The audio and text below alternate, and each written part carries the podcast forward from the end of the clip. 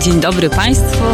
Halo Radio. Przy mikrofonie dzisiaj Agnieszka Żądło, a ze mną w studiu goście pan Piotr Okulski, specjalista do spraw marketingu politycznego w internecie i Wojtek Cieśla, dziennikarz z Fundacji Reporterów i dziennikarz Newsweeka.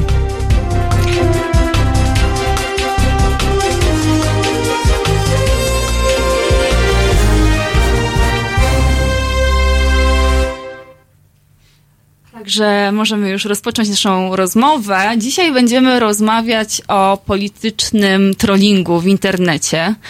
E, niedawno Newsweek e, opublikował na ten temat artykuł o farmie troli. E, jak w ogóle, gdy mógł Pan opisać, e, jak doszło do tego, że Państwo, e, jak Państwo trafili na ten trop tego tematu?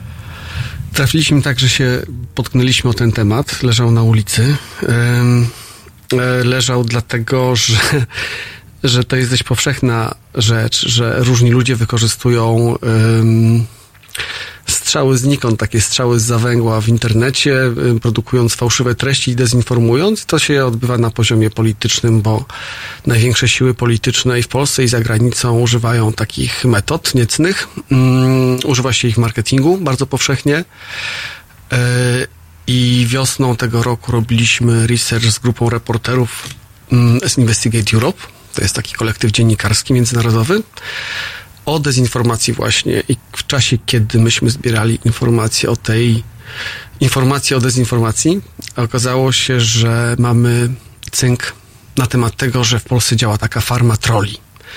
To jest konkretna firma i ona robi takie rzeczy. Próbowali, próbowaliśmy się czegoś dowiedzieć o tej firmie i poza jej stroną internetową tak naprawdę nie było żadnej aktywności.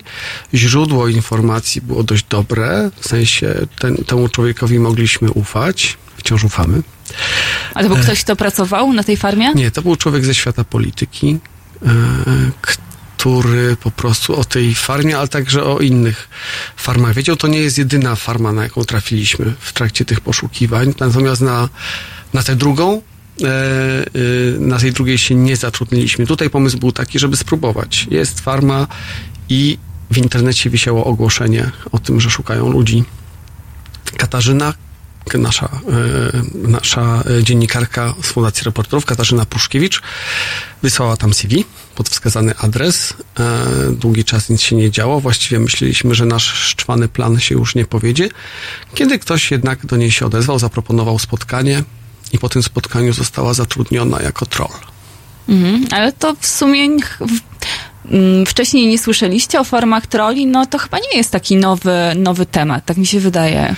Temat nie jest w ogóle nowy, bo, bo farmy troli, yy, po pierwsze jest gigantyczna farma troli w Petersburgu, która jest już dokładnie opisania, opisana i ludzie, którzy tam pracowali, e, zwolnili się z tej farmy, e, udzielili licznych wywiadów w zachodniej prasie, więc to jest, to jest doskonale znane. Znaczy, wiemy, wiemy o tym, że Rosja jakby e, systemowo dezinformuje kraje Zachodu. E, Wiemy o tym też od czasu wyborów, nie wiem, w 2015 roku, kiedy się po raz pierwszy w polskim internecie coś poważniejszego zadziało wokół, wokół wyborów prezydenckich, później wokół wyborów do, do Sejmu.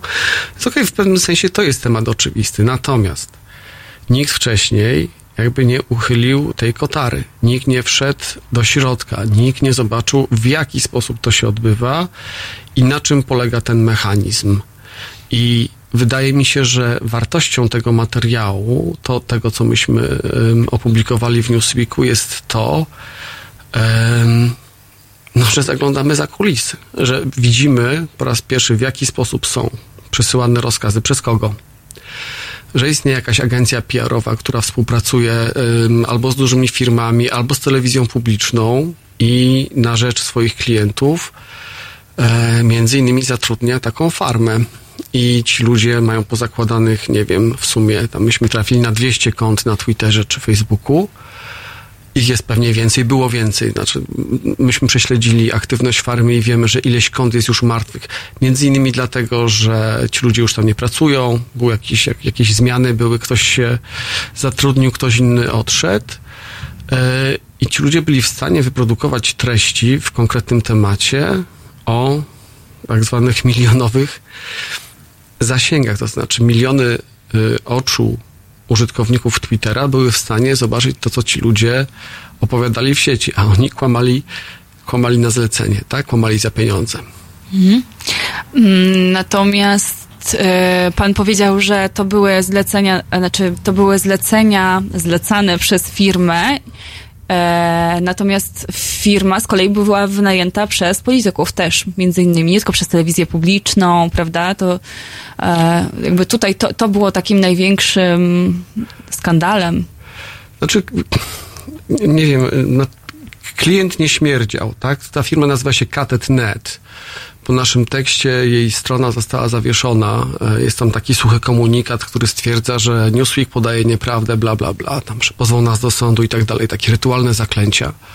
Czy oczywiście ja jestem za tym, żeby oni nas pozwali, bo, bo wtedy jak będziemy w stanie pokazać e, w sądzie, co zgromadziliśmy przez pół roku researchu, a zgromadziliśmy bardzo dużo materiałów e, z wewnętrznego czatu tej firmy, z korespondencji, to znaczy że jak powiem, ten materiał jest 120%, tak, jest bulletproofed. Natomiast jeśli chodzi o, y, o te firmy, tak jak mówię, to był i biznes, to był i lobbying zbrojeniowy, jakieś lobby, e, tam nie, nie pamiętam, e, dotyczące zniesienia VAT-u na, na, na soki, e, ale była też polityka, ponieważ w którymś momencie, a konkretnie przed wyborami do Europarlamentu wiosną tego roku, okazało się, że Farma Trolli rusza pompować konto dziś już szerzej nieznanego polityka lewicy, który jest wiceszefem partii, Andrzeja Szejny. Andrzej Szejna e, istniał na firmamencie polskiej polityki lat temu ze 20, kiedy był młodym, dobrze zapowiadającym się politykiem lewicy. Mm, Był wiceministrem w rządzie SLD jednym i drugim. Później był europosłem, a później słuch o nim zaginął. Tak naprawdę e, to, że on e, wystartował e, do Europarlamentu trochę mnie nawet zdziwiło, bo, ten człowiek jest już zupełnie poza, poza tym światem politycznym, poza mainstreamem, ale wystartował. A kiedy wystartował, trole ruszyły do ataku. Znaczy zaczęły nagle pompować jego konto na Twitterze. Tak, nawet tam rezygnując chyba z innych zleceń e, i wchodząc w klimat pompowania szejny. To jest dos- dosyć zabawne, ponieważ my mamy screeny, em, e, mamy dane z wewnętrznego czatu tej farmy troli, więc możemy obserwować, w jaki sposób są wydawane rozkazy. I tam jest gdzieś taki rozkaz, no, czy robimy dalej, tam nie pamiętam, chyba chodziło czy o VAT na soki, czy jakiś inny klient, czy o spółkę Leonardo, która e, e, próbuje sprzedać i sprzedaje Polsce jakieś śmigłowce. To też było pompowane. Jest taki rozkaz od menadżera, nie, nie, nie, teraz wszystkie ręce na pokład, idziemy tutaj do Szejny, Szejna nam płaci, Szejna jest naszym klientem. E, I to jest tak, że, e, że nie mówimy tutaj o jakimś, znaczy tak, mówimy oczywiście o anonimowym ruchu w sieci, natomiast nie mówimy o działalności, która jest za darmo. Ci ludzie, którzy siedzieli na tych troll kontach, dostawali za to pieniądze, opłacali ZUSy i podatki, wykonywali po prostu konkretną pracę, e, która daje się wycenić, ponieważ taki ruch na parę tygodni przed wyborami, bardzo duży, relacjonowanie konferencji prasowych, reagowanie w trakcie tych konferencji, wciąganie w dyskusję, reagowanie na różne rzeczy, które się dzieją w sieci wokół klienta, czyli wokół Szejny, e, to jest konkretna kwota. Tak, to się da wycenić. I teraz, to jest bardzo ciekawe, e, ponieważ Andrzej Szejna skonfrontowany e, z tym, co wiemy, zagrał bardzo fajnie. Powiedział, że w dużym skrócie nie mój cyrk, nie moje małpy. Ja nic nie wiem. Ja nic nie wiem. Tak, że, że może coś jego kolega dla niego robił, ale on o tym nic nie wie, bo kolega to chyba e, tak po prostu z serdeczności, prawda, no ja też się byłem tym zajął. Czyli ten Kryst, Krystowski, tak? Tak, tak. Ja też byłem w podstawówce i czasami po prostu kto kolega, a nie ja. I to jest bardzo fajne wytłumaczenie, jak się jest w, w piątej klasie szkoły podstawowej, ale nie jak się jest wiceszefem partii, która weszła do, do parlamentu. Tak, znaczy wersja Andrzeja Szejny jest taka, że on ma kolegę, i kolega jest po prostu dobrym kolegą i, i mu tak doradzał, i tak mu doradzał, i on widział, że co prawda, że tam jakiś ruch jest na tym jego koncie. Znaczy, Prawda jest taka, że na koncie twitterowym Andrzeja Szejny dyskutowały trole z trollami. Tak, to te trole prawicowe, trole z trollami lewicowymi. tak, bo to jest też taka metoda uwiarygodnienia kont. To znaczy, jak, jak coś się dzieje, to farma wysyłała konta lewicowe, żeby coś tam mówiły, a jednocześnie, żeby uwiarygodnić te lewicowe, nasyłała prawicowe. Tak? No I tam rozgorzała dyskusja, a, a tak naprawdę to były, to były fejki mm, rozmawiające z fejkami. E, twierdzi, że to w ogóle nie zwróciło jego uwagi. E, I wydaje się w tej chwili, na 1 listopada 2019 roku, że Andrzej Szejna się w ogóle jakby nie poczuwa do tego, żeby zająć stanowisko. To znaczy, myśmy w dużym ogólnopolskim piśmie opublikowali tekst o tym, w jakiejś części tekst o tym, że Andrzej Szejna miał nielegalnie finansowaną kampanię wyborczą. Andrzej Szejna nie czuje się w obowiązku zajęcia stanowiska w tej sprawie. To znaczy, to co on nam powiedział, kiedy z nim rozmawialiśmy, to, że y, jedyna rzecz, którą on zrobi, to w Sejmie nie wejdzie do Komisji Obrony, tak? Ponieważ no, jego kolega był związany z przemysłem obronnym. Mhm, to uściślimy jeszcze, bo e, Andrzej Szejna wykorzystując te konta trollowe i zatrudniając, znaczy pośrednio zatrudniając ludzi tak do tego, do tej kampanii, powinien z tego się rozliczyć w ramach, e, oficjalnie w ramach kampanii wyborczej e, i zdać z tego odpowiednią dokumentację. Nie ma takiego zwierzęcia w polskiej polityce, jak kolega mi pomógł. Znaczy na to, na, na, na to jest bardzo precyzyjne prawo, które mówi, że wszystkie możliwe ruchy w trakcie kampanii dokonuje się poprzez komitet wyborczy. Komitet wyborczy nie złożył sprawozdań w tej sprawie, to znaczy komitet wyborczy nie ma żadnych faktur z katetnetu, nie, nie ma żadnych śladów yy, działania, chociaż usługa została wykonana. Tak. Państwowa Komisja Wyborcza to nie jest y, jakaś bardzo szybka i zbrojna służba i Państwowa Komisja Wyborcza musi teraz przetrawić informacje z Newsweeka. Ja mam nadzieję, że przetrawi na tyle szybko, żeby, żeby coś z tym zrobić. Nie ma zbyt wielu przypadków finansowania, lewego finansowania kampanii wyborczej w Polsce. To jest według mnie taki przypadek. To znaczy na poziomie Andrzeja Szejny, ok, wiceszefa y, SLD, który w ogóle sobie nie robi z tego sprawy, mówi, właśnie, co mnie, co mnie to obchodzi, to jest bardzo, bardzo nie okay. Ale zakładam, że na przykład ktoś w czasie wyborów prezydenckich robi coś takiego, e, i, ale to, to jest ten sam problem. To znaczy, czy pozwolimy na to, żeby ludzie gdzieś z zawęgła, nie wiadomo kto, nie wiadomo za co, sponsorował farmy troli do kampanii politycznych.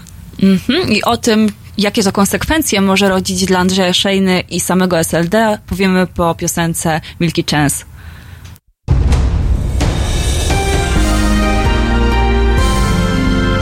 Jutro. Od 21 do 23 telefony od państwa odbiera Wojtek Krzyżaniak. Rozmowa, dialog, zrozumienie i żadnej agresji. 21-23. www.halo.radio. Słuchaj na żywo, a potem z podcastów.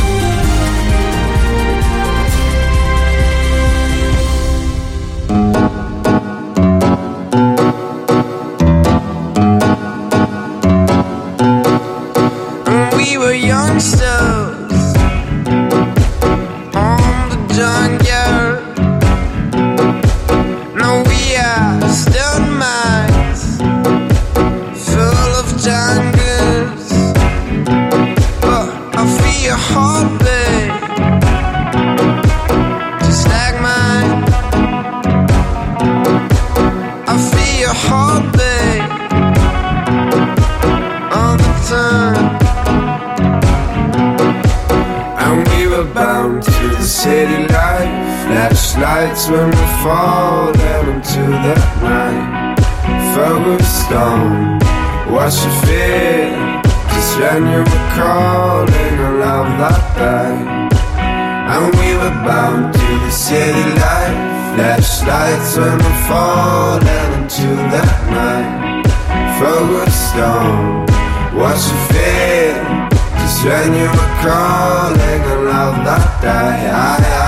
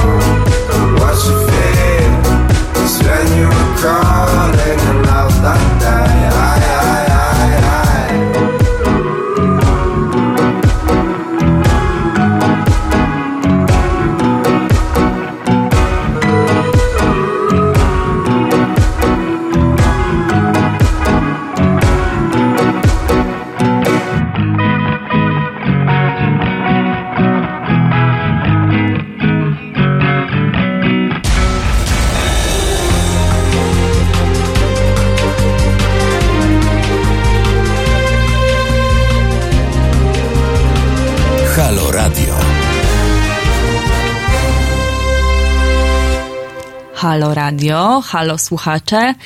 Agnieszka Żądło przy mikrofonie, a w studiu ze mną Wojciech Ciechla, Cieśla z Fundacji Reporterów, e, dziennikarz tygodnika Newsweek i pan Piotr Okulski, e, specjalista do spraw marketingu politycznego w internecie.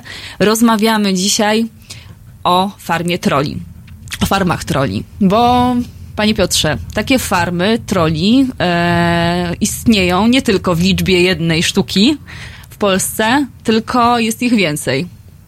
Oczywiście jest to zjawisko niestety dość powszechne w naszej polityce po różnych stronach. E, można powiedzieć, że są to organizacje dość trudne do wykrywania ze względu na tę właśnie specyfikę działania, tak?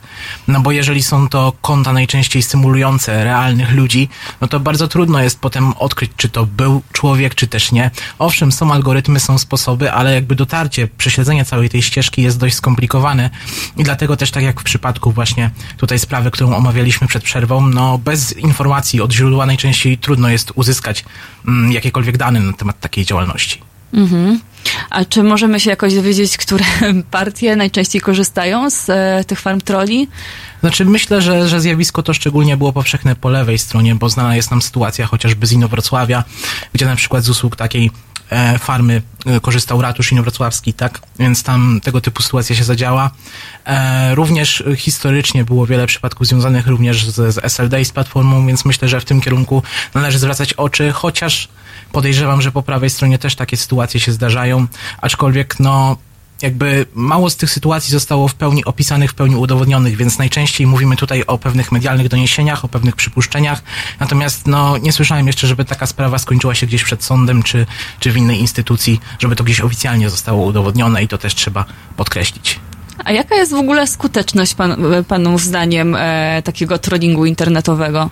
No bardzo duża, bo jak pan mówi o tym, że y, tutaj bardziej lewa strona, czy tam liberalna, jak zwał, tak zwał, ja szczerze mówiąc nie pamiętam, ta sprawa z Inowrocławia tak, była, ale też był słynny trolling w Ministerstwie Sprawiedliwości, tak? To chyba jest już E, też tak, przeszło do strona. klasyki Emmy. Realnie te, te, to zjawisko nie jest dobrze opisane. Znaczy ono jest opisywane przez badaczy, ale kiedy to dotyczy Polski, to jest opisywane na bardzo ogólnym poziomie, na przykład przez badaczy z, z Oksfordu.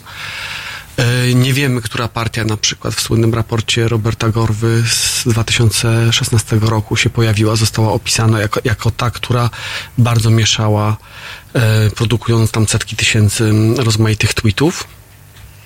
Więc to jest, to jest jakiś problem taki, tak jak pan mówi, znaczy albo się chwyci kogoś za rękę, jak w przypadku Katnetu, co było możliwe tylko dzięki dziennikarskiej prowokacji, że myśmy tam po prostu wysłali człowieka i ten człowiek był w stanie y, zgromadzić bardzo dużo danych, albo jesteśmy skazani na, y, na, na domysły, na poszlaki, na to, że tak naprawdę w końcu ostatecznie nie, nie wiemy, kto pociąga za sznurki. Ja uważam, że to jest w ogóle dzisiaj fundamentalne niebezpieczeństwo dla, dla tego, co się dzieje w świecie, w Europie, w Polsce, ponieważ jeśli ktoś pociąga sznurki z ukrycia i my nie, jest, nie jesteśmy pewni, nie, nie wiemy albo jesteśmy e, podprowadzani, okłamywani, to jakby to ma wpływ na nasze wybory, tak? Wybory polityczne, wybory e, dotyczące no, ró- różnych rzeczy, tak? E, Nie, nie tylko wyborów politycznych, w ogóle tego, jak, na co się decydujemy w życiu. No ja bym tutaj jeszcze podkreślił, że jeżeli chodzi o skuteczność takich farm, to niestety no, w dużej mierze zależy to od świadomości obywateli, no bo jeżeli ludzie nie zdają sobie sprawy, przeglądając dyskusje polityczne na przykład na Facebooku czy też e, na Twitterze, nie, nie mają pojęcia, że coś takiego może mieć miejsce, to biorą serio takie wpisy, szczególnie jeśli mają one duże poparcie, tak? Takie symulowane dyskusje, gdzie jest, są trole prawicowe, są trole lewicowe, tu można stworzyć całą otoczkę medialną, całą pewną narrację, e, którą potem ludzie biorą za prawdziwą i, i to się roznosi dalej, więc jakby jeżeli trolling może być tylko zalążkiem, tak naprawdę największym problemem jest to, kiedy ludzie zaczynają te fake newsy, te, te fałszywe informacje, te narracje troli powielać i przekazywać dalej różnymi drogami, też do znajomych, w rozmowach i potem taka plotka krąży. E, to też odnosi się do innego zjawiska, nieco bardziej prostego, bo w ogóle zanim nastała era trollingu takiego politycznego w internecie, to był, trolling nie był zjawiskiem pejoratywnym. E, to było można powiedzieć, no, rodzaj inteligentnego żartu. Wstawiało się jakąś przeróbkę, która prowokowała ludzi do komentarzy, coś takiego. E, różne były serwisy z tym, no ale już nie zagłębiajmy się w historię internetu. W każdym razie takie przeróbki różne, na przykład, które też są przez troli promowane, często nabierają się nawet osoby publiczne, tak? Była sytuacja, gdzie e, pan prezydent Lech Wałęsa na swoim profilu facebookowym opublikował edytowany pasek TVP, e, w którym był napis o tym, że e, co, coś na temat w każdym razie partii rządzącej takiego negatywnego i oczywiście to było podrobione i mało tego, był zmieniony prezenter i prezenterem tam był e, szef wykopu e, tego portalu takiego znanego, gdzie użytkownicy wstawiają różne newsy. No i pan prezydent uznał, że to jest prawdziwy prezenter, prawdziwy pasek i na swoim profilu to puścił, więc jak widać, no w różnych miejscach to trafia. No i jeżeli osoba, która jest traktowana jako zaufana publicznie, tak jako autorytet udostępnia fake newsa, coś takiego, no to trudno, żeby zwykli ludzie się łatwo przed tym bronili, prawda? No tak, ja sama dałam się nabrać, e, bo poziom absurdu już sięga e, granic i po zwolnieniu Wiktora Świetlika z radiowej trójki e, pomyślałam, że trudno uwierzyć, że nową szefową mogłaby zostać Magdalena Ogórek, ale kto tam wie, prawda, w tych, w tych pomysłach. A, a poszedł taki fake news kilka dni temu. Także trudno jest rzeczywiście rozróżnić te fejkowe konta. No, nie, nie- pewnie nie chce się każdemu zaglądać do każdego profilu i sprawdzać, tak, na ile ktoś ma bogatą historię tego konta internet, konta w społecznościówce, czy są jakieś zdjęcia prywatne, bo to gdzieś e, czasem jest jakąś miarą prawdziwości konta. Tak, tak, ale tutaj mówimy o wpadkach, tak? Mówimy o tym, że ktoś się pomylił, to się zdarza każdemu, tak? Znaczy ja też czasami wezmę jakąś informację za prawdziwą, ona nie jest prawdziwa, do, po, po to dzisiaj powstają tak naprawdę, rodzi się nowa gałąź dziennikarstwa, która się nazywa fact-checkingiem, e, dlatego, że w gąszczu tego, co nas zalewa, czym jesteśmy bombardowani codziennie, tych, tych setek tweetów, tych postów na Facebookach i tak dalej, i tak dalej, bardzo tak, jest trudno... Przepraszam, tylko małe wpływać. dementi. Rzeczywiście ktoś mówi, e, że Świetlik sam podał się do dymisji. Racja, nie, nie, nie został. Akurat- No, ale Akurat pan Świetlik ma pewne, pe, pewnego rodzaju związek z naszą historią, możemy o tym później, e, później porozmawiać. E, natomiast jak mówimy o tym, e, że coś się nagle staje memem albo zabawną wpadką i tak dalej, to mówimy zupełnie o czymś innym niż zorganizowana dezinformacja. W przypadku katetnetu, o którym myśmy napisali, mamy do czynienia z machiną. Ktoś powie, oni zatrudniali tylko 30 osób. Oni mieli tylko 200 czy, czy 300 kont, ale jak myśmy to prześledzili przy pomocy ISD Global, takiego think tanku z Londynu, to te 200 czy 300 kont siały zasięgi po 5 milionów, po 10 milionów, po 15 milionów. Więc to po pierwsze jest doskonale zorganizowane. To jest przedsiębiorstwo. Ktoś dostaje za to pieniądze. W wypadku katetnetu ciekawą sprawą było to, żeby to w ogóle hulało, to ta firma brała dopłaty z Pefronu. Tak, ponieważ to jest- zatrudniała głównie osoby z poważnymi niepełnosprawnościami, ludzi na wózkach. I tam I- poszło półtora miliona z Profron- e, z Profronu. To jest jakby naturalne, No. kiedy się zatrudnia ludzi e, z niepełnosprawnościami, można wystąpić do PFRON-u o takie dopłaty i to jest ok. Natomiast diabelski model tego biznesu polegał na tym, że Katet.net, Farmatroli proponowała swoim klientom, oficjalnie oni nazywali to, no, zajmujemy się PR-em w sieci. Nie zajmowali się PR-em w sieci, tylko tłuczeniem anonimowych postów na potęgę.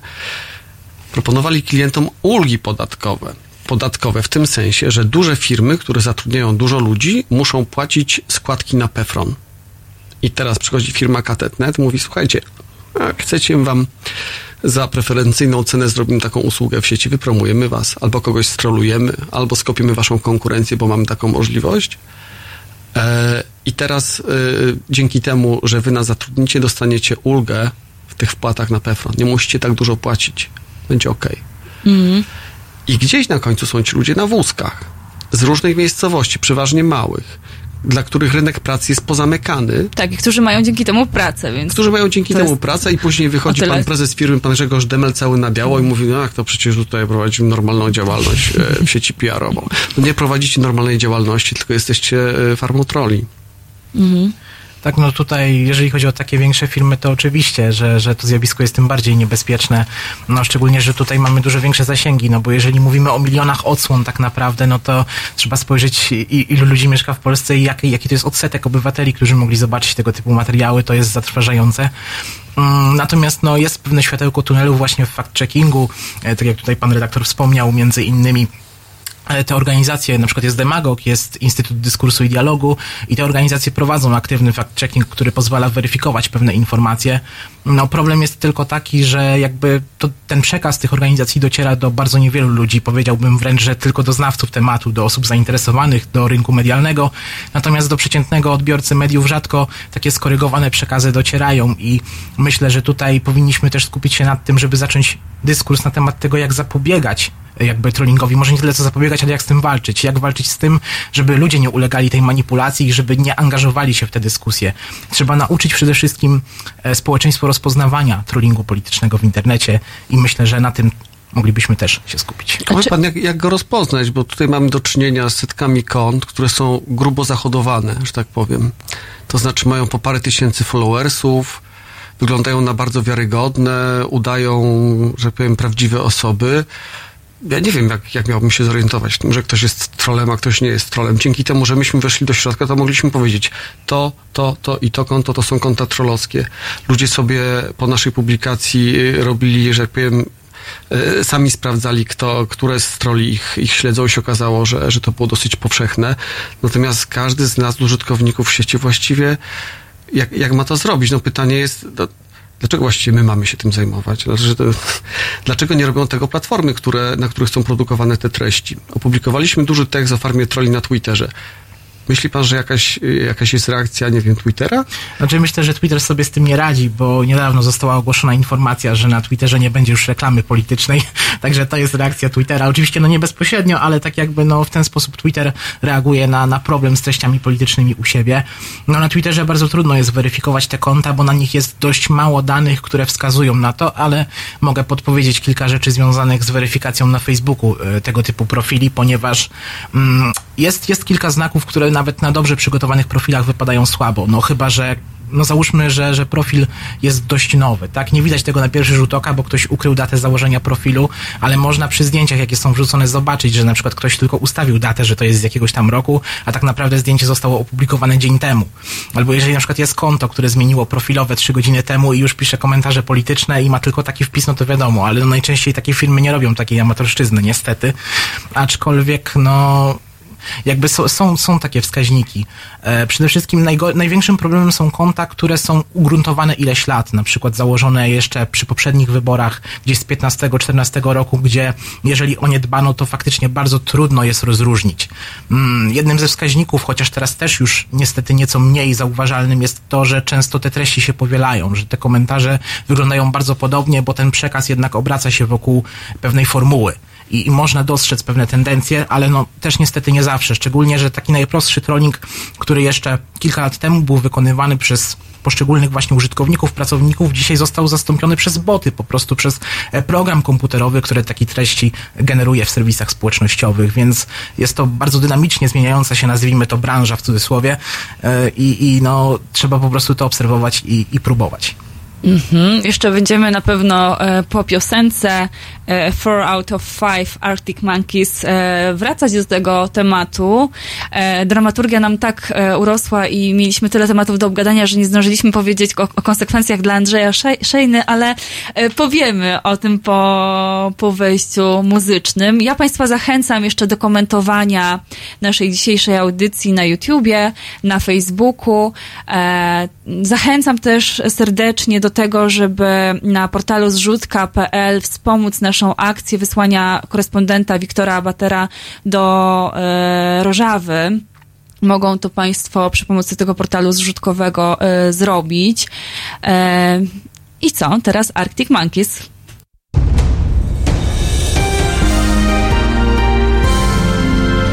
Dziś Od 21 do 23 telefony od Państwa odbiera Kuba Wątły. Tu chyba nic nie trzeba dodawać. 21, 23. www.halo.radio. Słuchaj na żywo, a potem z podcastów.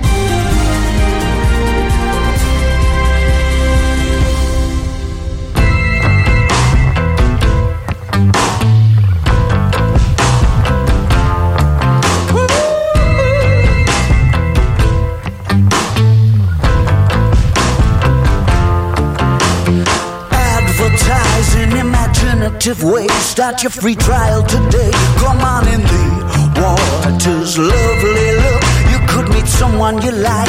In the your strike. It is that easy. Lunar surface on a Saturday night. Dressed up in silver and white with colored old gray whistle test lights. Take it easy for a little while. Come and stay with us. It's such an easy since the Exodus. It's all getting gentrified. I put a taqueria on the roof. It was well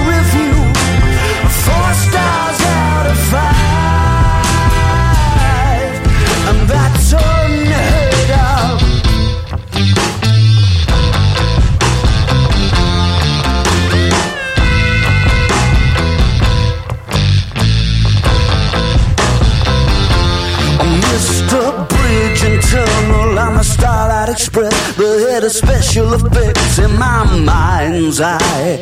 Okay, cookie with the opposite sex. The things you try to forget. Doesn't time fly?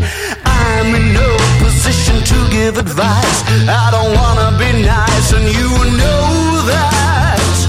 Take it easy for a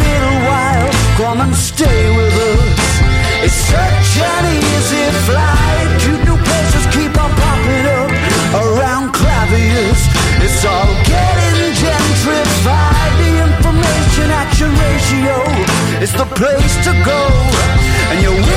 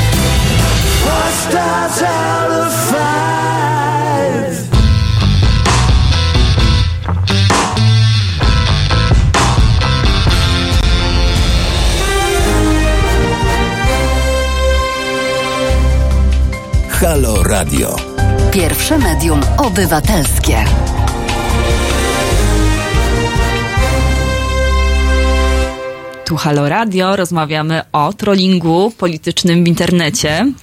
Wojtek Cieśla z Fundacji Reporterów i Piotr Okulski, specjalista marketingu politycznego w internecie. E, wróćmy wobec tego, już obiecaliśmy to słuchaczom, więc niech wybrzmi, e, jakie konsekwencje w związku z tym, że na rzecz Andrzeja Szejny, wiceszefa SLD, e, pracowała farma troli, mo, jakie konsekwencje mogą z tego tytułu spotkać SLD, a najpierw samego Andrzeja Szejny? Ja myślę, że Andrzej Szejna przede wszystkim powinien się y, zmierzyć z tym, co się wokół niego stało. To znaczy, ja czekam na, na to, żeby po prostu coś powiedział. Tak? Znaczy nie ma Andrzeja Szejny. Publikacja była w y, poniedziałek, pięć dni temu. Andrzej Szejna milczy, nie odzywa się w tej sprawie. Nie było żadnej konferencji prasowej, nie było żadnego komunikatu. Y, Partia Andrzeja Szejny też uważa, że nie ma sprawy. W Radiu Z Włodzimierz Czarzasty powiedział, że skoro pan Szejna mówi, że nie było sprawy, to nie było sprawy, no to już... Najlepiej. To jest to, to, to ja, ja, ja tu przypomina mi się Włodzimierz Czarzasty ze swoich najlepszych lat, z, z czasu afery Rywina. To jakby jest podobny tak naprawdę polityczny tupet. Odpowiedzialność polityczna to jest przede wszystkim. To znaczy, co robi z tym partia, która jest w parlamencie? Uznaje, że się nic nie stało? Trolujemy dalej, tak? Dajemy zielone światło, ok. W którymś momencie ta partia też może paść ofiarą cudzego trollingu. To jest jedna rzecz. Druga rzecz to są konsekwencje na poziomie jakby odpowiedzialności yy, wobec wyborców i Państwowej Komisji Wyborczej. To znaczy Państwa Komisja Wyborcza w tej chwili powinna i przypuszczalnie to zrobi, zająć się tym, że w sprawozdaniach partii SLD z obu kampanii w tym roku KTET.net nie występuje, nie ma tej usługi. I teraz to, co grozi partii, Szejnie pewnie grozi grzywna jakaś tam, którą uniesie, podejrzewam, mm, jako dobrze y, opłacany y, poseł polski. Natomiast y, partii grozi odebranie części subwencji. I to dla takiej organizacji politycznej, jaką jest SLD, nie za dużej w tej chwili, niezbyt mocnej, to może być poważniejszy problem. Hmm. I mogą stracić, z tego co wiem, subwencje. No tak, no odebranie tych, tych pieniędzy, które jakby z urzędu przysługują e, partii, nie sądzę, żeby całą stracili, natomiast może, może im być ta subwencja okrojona i to też jest kłopot. Nie wydaje mi się, żeby chowanie głowy w piasek to było wyjście w tej chwili. Mamy telefon od naszego słuchacza. Halo, halo. Dobry Albo wieczór, słuchaczki. Anatol się kłania. Anatol, dzień dobry, dobry wieczór. Mam pytanie do y, pana Piotra, ponieważ na czacie wywiązała się dyskusja y, na jego temat. Y, O, ludzie proszę. z Bydgoszczy, którzy go podobno znają, y, twierdzą, że pracował dla jednego z wiceministrów zdrowia odpowiedzialnego za y, us- ustawę antyaborcyjną między innymi i dla innych posłów PiSu. Czy on mógłby się do tego odnieść? E, tak, jak najbardziej mogę się odnieść do sprawy. Ja zajmuję się marketingiem politycznym e, w internecie między innymi, więc doradzam e, różnym politykom. Między innymi w ostatniej kampanii współpracowałem z politykami Prawa i Sprawiedliwości. Jest to element mojej pracy, także nie widzę w tym żadnej tajemnicy ani mm, komplikacji. Ach, rozumiem, czyli można pana kupić. Może pana kupić każdy.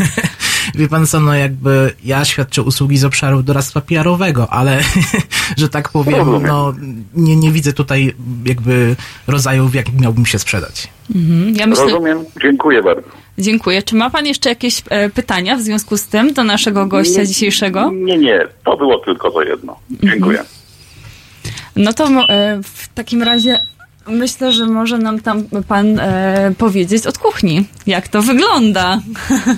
E, No powiem tak, ja takich praktyk nie stosuję, farm trolli też nie prowadzę, Mm, ani politycy, z którymi współpracuję, nie korzystali z tego typu usług nigdy, więc no co mogę powiedzieć? No, w tej sprawie jakby rozumiem, że dla części słuchaczy może być kontrowersyjna moja praca, jeżeli ktoś wspomniał o tym fakcie, no ale to też wynika jakby z pewnej nieświadomości, tak? Bo pani redaktor kilkukrotnie wspomniała, że jestem specjalistą do spraw marketingu politycznego w internecie, a czym jest innym marketing polityczny, jak budowaniem kampanii dla polityków, jak doradztwem z obszaru wizerunkowego?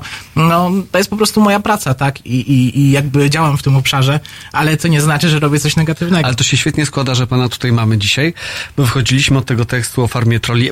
Ja jestem ciekawy, jak pan ocenia te strategie marketingowe czy PR-owe, które stosowała farma. to znaczy, wie pan co, no jak dla mnie to, to jest, zależy jak na to patrzeć, czy, czy patrzymy od strony skuteczności, czy od strony etyki, bo jeżeli chodzi o skuteczność, no to myślę, że sporo. Jakby ciężko jest w ogóle przełożyć wynik tak zwanej konwersji na głosy, tak, poszczególnych działań, bo no ale trzeba sobie powiedzieć, że Lewica osiągnęła duży sukces, tak, SLD po latach niebytu wróciło do Sejmu, więc myślę, że sporo, pan Szejna też z wysokim wynikiem e, wszedł, także no myślę, że jakiś skutek to miało, szczególnie, że no ta farma zbudowała panu Szejnie taką no popularność medialną, powiedzmy wirtualną, tak? Że on na tym Twitterze nagle był znany, wcześniej nie mając konta, prawda? Tak to jakoś było. A jak pan ocenia w ogóle taki rodzaj strategii, że właśnie się buduje mm, kampanię trollową, szeptaną, tak, niejawną, yy, okłamaną? To znaczy, no, ja osobiście nie popieram takich metod, uważam je za nieetyczne i, i nie powinno się w taki sposób traktować, że tak powiem, obywateli, bo to jest przede wszystkim złe wobec ludzi, którzy są ofiarami tego typu e, strategii marketingowej. Natomiast, no, wiemy wszyscy, że takie rzeczy są obecne w polityce i jakby, no, no skuteczne, tak, bo no, te teksty pisane przez troli ludzie uznają za pisane przez współobywateli, przez inne osoby. Skoro inni tak myślą, to może tak jest i tak dalej, więc jakby, no, politycy widzą w tym sens i podejrzewam, że sporo z nich jest skłonnych korzystać z takich usług, żeby utrzymać mandat, czy, czy go otrzymać, czy, czy inna sytuacja, inny interes polityczny. Niestety nie mamy narzędzi do tego, ale ja byłbym bardzo ciekawy, gdyby zrobić takie badanie, żeby sprawdzić. Andrzej Szej na wyborach dostał teraz 24 tysiące głosów. Gdyby można było w jakiś cudowny sposób sprawdzić, ilu tych ludzi czytało jego tweety, albo dyskusje pod jego tweetami, albo właśnie było zaangażowanych w śledzenie jego social mediów, to by było bardzo, bardzo interesujące. Ciekawy jestem wyniku, co by się okazało. Czy by się okazało, że jednak właśnie część ludzi została zmanipulowana, oszukana i dała się wciągnąć w, w grę, której reguły ustalał ktoś inny? Ja myślę, że to wiesz, e, wie pan, e, odbywa się czasem tak mimochodem, że nawet e, ten wyborca potem w takim badaniu może nie, wyka- nie, nie stwierdzić, że on był, że gdzieś natknął się, nie pamiętać, że natknął się gdzieś na te tweety. One tak działają, nie wiem, jakoś tak bardziej może mm, podprogowo.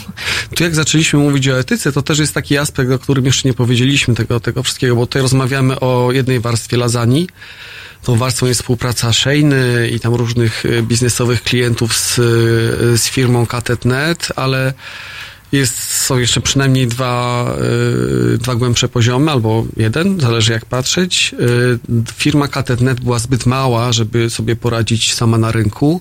Ktoś musiał jej przyprowadzić klienta, mówiąc e, kolokwialnie. I tą firmą, która przyprowadzała klientów jest taka spółka Art Media z Warszawy, która obsługiwała na przykład PZL Świdnik, albo obsługiwała przemysł spirytusowy, e, albo obsługiwała producentów soków.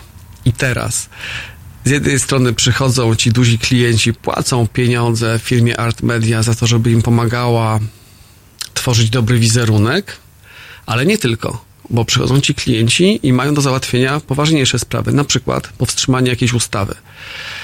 To się działo w dwóch wypadkach. W jednym wypadku producenci soków chcieli utrzymać niski VAT na soki. Bardzo im na tym zależało. I z jednej strony agencja PR-owa robiła jakieś działania, konferencje, raporty docierały do dziennikarzy, co jest okej, tak działają agencje PR-owe. Z drugiej strony do ataku ruszały trole. I w tej sprawie tworzył jakiś niebywały ruch e, w internecie, właśnie z tych fałszywych kont. Drugi taki przypadek e, to jest z kolei współpraca spółki Art Media, czyli tej firmy PR-owej, z czymś, co się nazywa Instytut Staszica. To jest taki think tank, jak się nazywa think tank, którego władzach zasiada wiceprezes tej spółki PR-owej Art Media.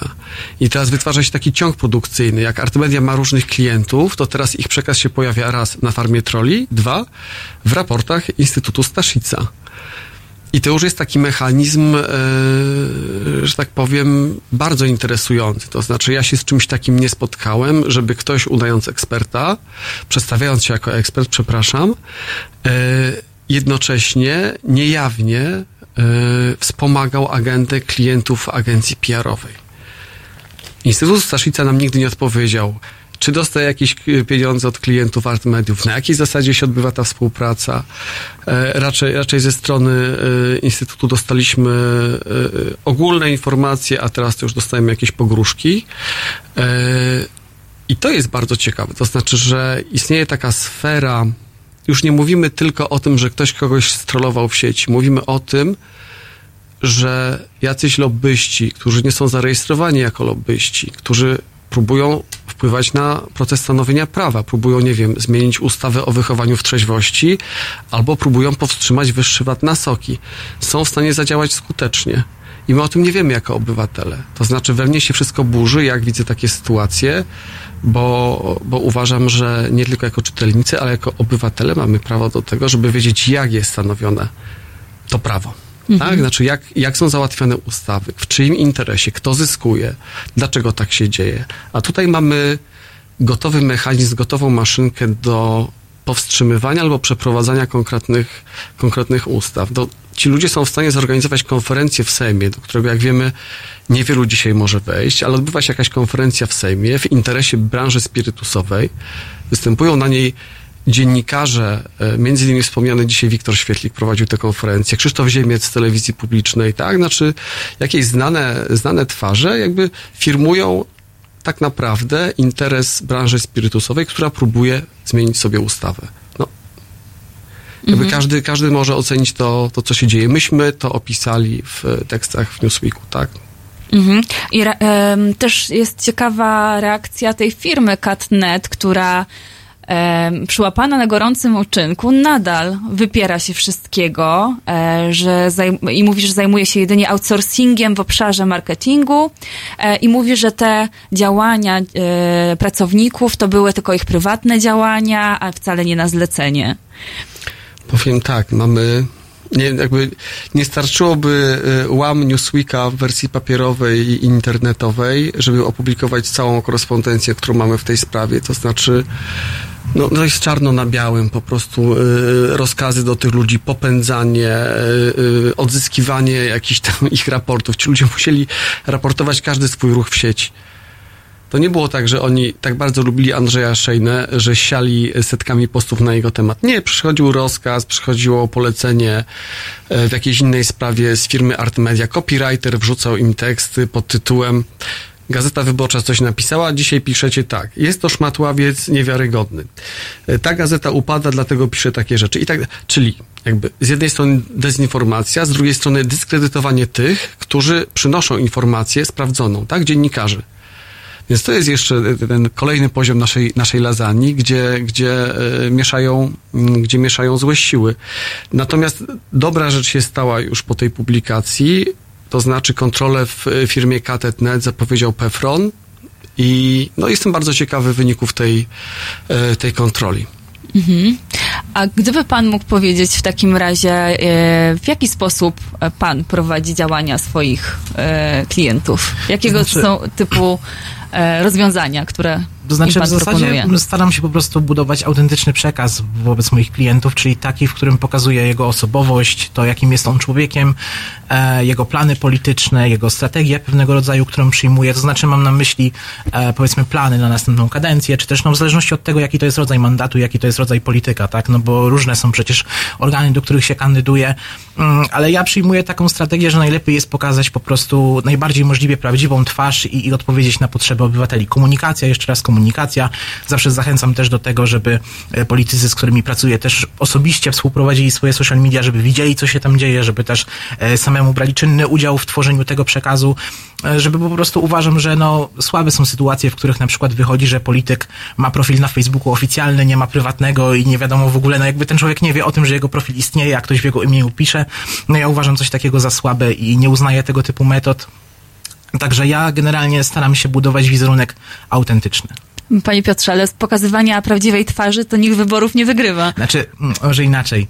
Jakby prawdziwa twarz, co miałem na myśli? W sensie rodzaj cech, jakie taka osoba reprezentuje, e, tych pozytywnych, tą pozytywną stronę oczywiście. Wiadomo, że każdy ma jakieś wady, no ale nikt wad w kampanii nie ogrywa, prawda? No to jest naturalne, więc oczywiście jest to pewnego rodzaju e, wizerunek, e, powiedzmy, wybielony, tak? Ale no stara się, staram się, żeby on był jak najbardziej uczciwy, jak najbardziej rzeczywisty, żeby po prostu wyborca po tym, jak odda ten głos, po tym, jak taka osoba osiągnie sukces, żeby nie był zawiedziony, bo myślę, że to jest też w interesie nas wszystkich. Panie e, Wojtku, e, oprócz Andrzeja Szejny, jeszcze jeden z tropów prowadził na początku waszego śledztwa do Bartłomieja Misiewicza. Jaki to był trop? Mm, To jest trop ciekawy. Właściwie myśmy dzięki Misiewiczowi wpadli na, na ślad farmy, bo kiedy już mieliśmy informację, że taka farma istnieje i sprawdziliśmy, że nazywa się tak, a nie inaczej, czyli nazywa się Katet.net, wtedy CBA weszło do biura Katet.netu e, i jeszcze do jednej firmy, która do dziś aktywnie współpracuje ze środowiskiem Prawa i Sprawiedliwości. Mówię, w sprawie tej drugiej firmy nie byliśmy e, w stanie wykonać żadnych, e, żadnych ruchów, natomiast Katetnet e, odpowiedziała na, na, e, na prośbę, na, na CV, tak, wysłane w sprawie pracy. Natomiast Misiewicz został aresztowany mm, w styczniu tego roku pod zarzutem korupcji. Kim jest Misiewicz? Nazwisko wszyscy chyba w Polsce znają. To jest były asystent Antoniego Macierewicza. E, Postać, która dzisiaj już próbuje żyć raczej życiem prywatnym, ale wtedy mm, w styczniu dwa- 2019 roku to był człowiek znany z tego, znaczy był, Misiewicz był e, ikoną takiej, takiej buty, pychy, arogancji władzy, człowiekiem, któremu czapkowali dowódcy wojskowi najwyżsi, kiedy był asystentem Macierewicza, pełniąc te funkcje bez wykształcenia, bo i doświadczenia. Jego jedynym doświadczeniem była praca w aptece wcześniej w Łomiankach. E, I sposób jakby, w, jaki on traktował to, to Ministerstwo Obrony, tak, tak jakby lat, latyfundium jakieś, sposób w jaki tam się załatwiało sprawy, przeszedł jakby do takiej mm, społecznej legendy. E, I tenże człowiek, który został już w końcu wyrzucony i przez Prawo i Sprawiedliwość, został odsunięty z Ministerstwa Obrony, przez długie miesiące wykorzystywał swoje kontakty w sektorze obronnym mm, do różnych celów. Na przykład kontaktował różnych ludzi z instytucjami wojskowymi. Na przykład pojawiał się w okolicach e, Świdnika. My jakby pe- pewnych rzeczy nie napisaliśmy, które wiemy, ponieważ i Świdnik i Misiewicz temu zaprzeczają, zaprzecza temu Katet.net. Natomiast y, powiem tak, nie przypadkiem CBA wchodziło do Katet.netu i nie wchodziło dlatego, że szukało troli, tylko wchodziło dlatego, że szukało Misiewicza. Pytanie, co znalazło i pytanie, na ile Misiewicz był związany mm, z Katetnetem. To jakby nie jest jedyny trop Misiewicza też w tej historii, ponieważ nagle się okazuje, że Misiewicz jest także znajomym właścicieli Artmediów. Nawet dobrym znajomym, mówi Misiewicz. E, właściciel Artmediów, e, prezes Artmediów mówi, że nie, nie tak dobrym znajomym, ale co innego mówi Misiewicz. Więc mamy jakby dwa ogniwa tego tutaj łańcuszka naszego, propagandowego czy dezinformacyjnego i w obu tych e, ogniwach pojawia się pan Misiewicz. Ja myślę, że dowiemy się czegoś więcej o tej sprawie, kiedy akt oskarżenia w sprawie Misiewicza trafi, trafi do sądu. Chyba, że wydarzy się coś jeszcze. Nie wiem, no. Wątek pana Misiewicza jest y, arcyciekawy. Wszyscy zainteresowani w tej sprawie nabierają wody w usta. Zobaczymy. Mhm. A jakieś inne tropy, czy jacyś inni politycy pojawiają się w tej aferze? No, byłym politykiem, który się pojawia w tej historii jest Krzysztof Krystowski. To jest były wiceminister, były polityk Unii Pracy, który przez lata całe pełnił różne funkcje za Platformy Obywatelskiej, zarządów Platformy, pełnił funkcje w spółkach obronnych. I nagle y, y, y, w 2015 roku został pracownikiem włoskiej spółki Leonardo, która robi śmigłowce i na tej farmie był bardzo aktywny. To od niego przychodziły polecenia, od niego przychodziły rozkazy. On stał za kampanią Andrzeja Szejny. Mhm. E, po piosence Rebeka Elezi, która wybrzmi za chwilę. Wrócimy do naszej rozmowy na temat e, farm troli, a tymczasem Rebeka.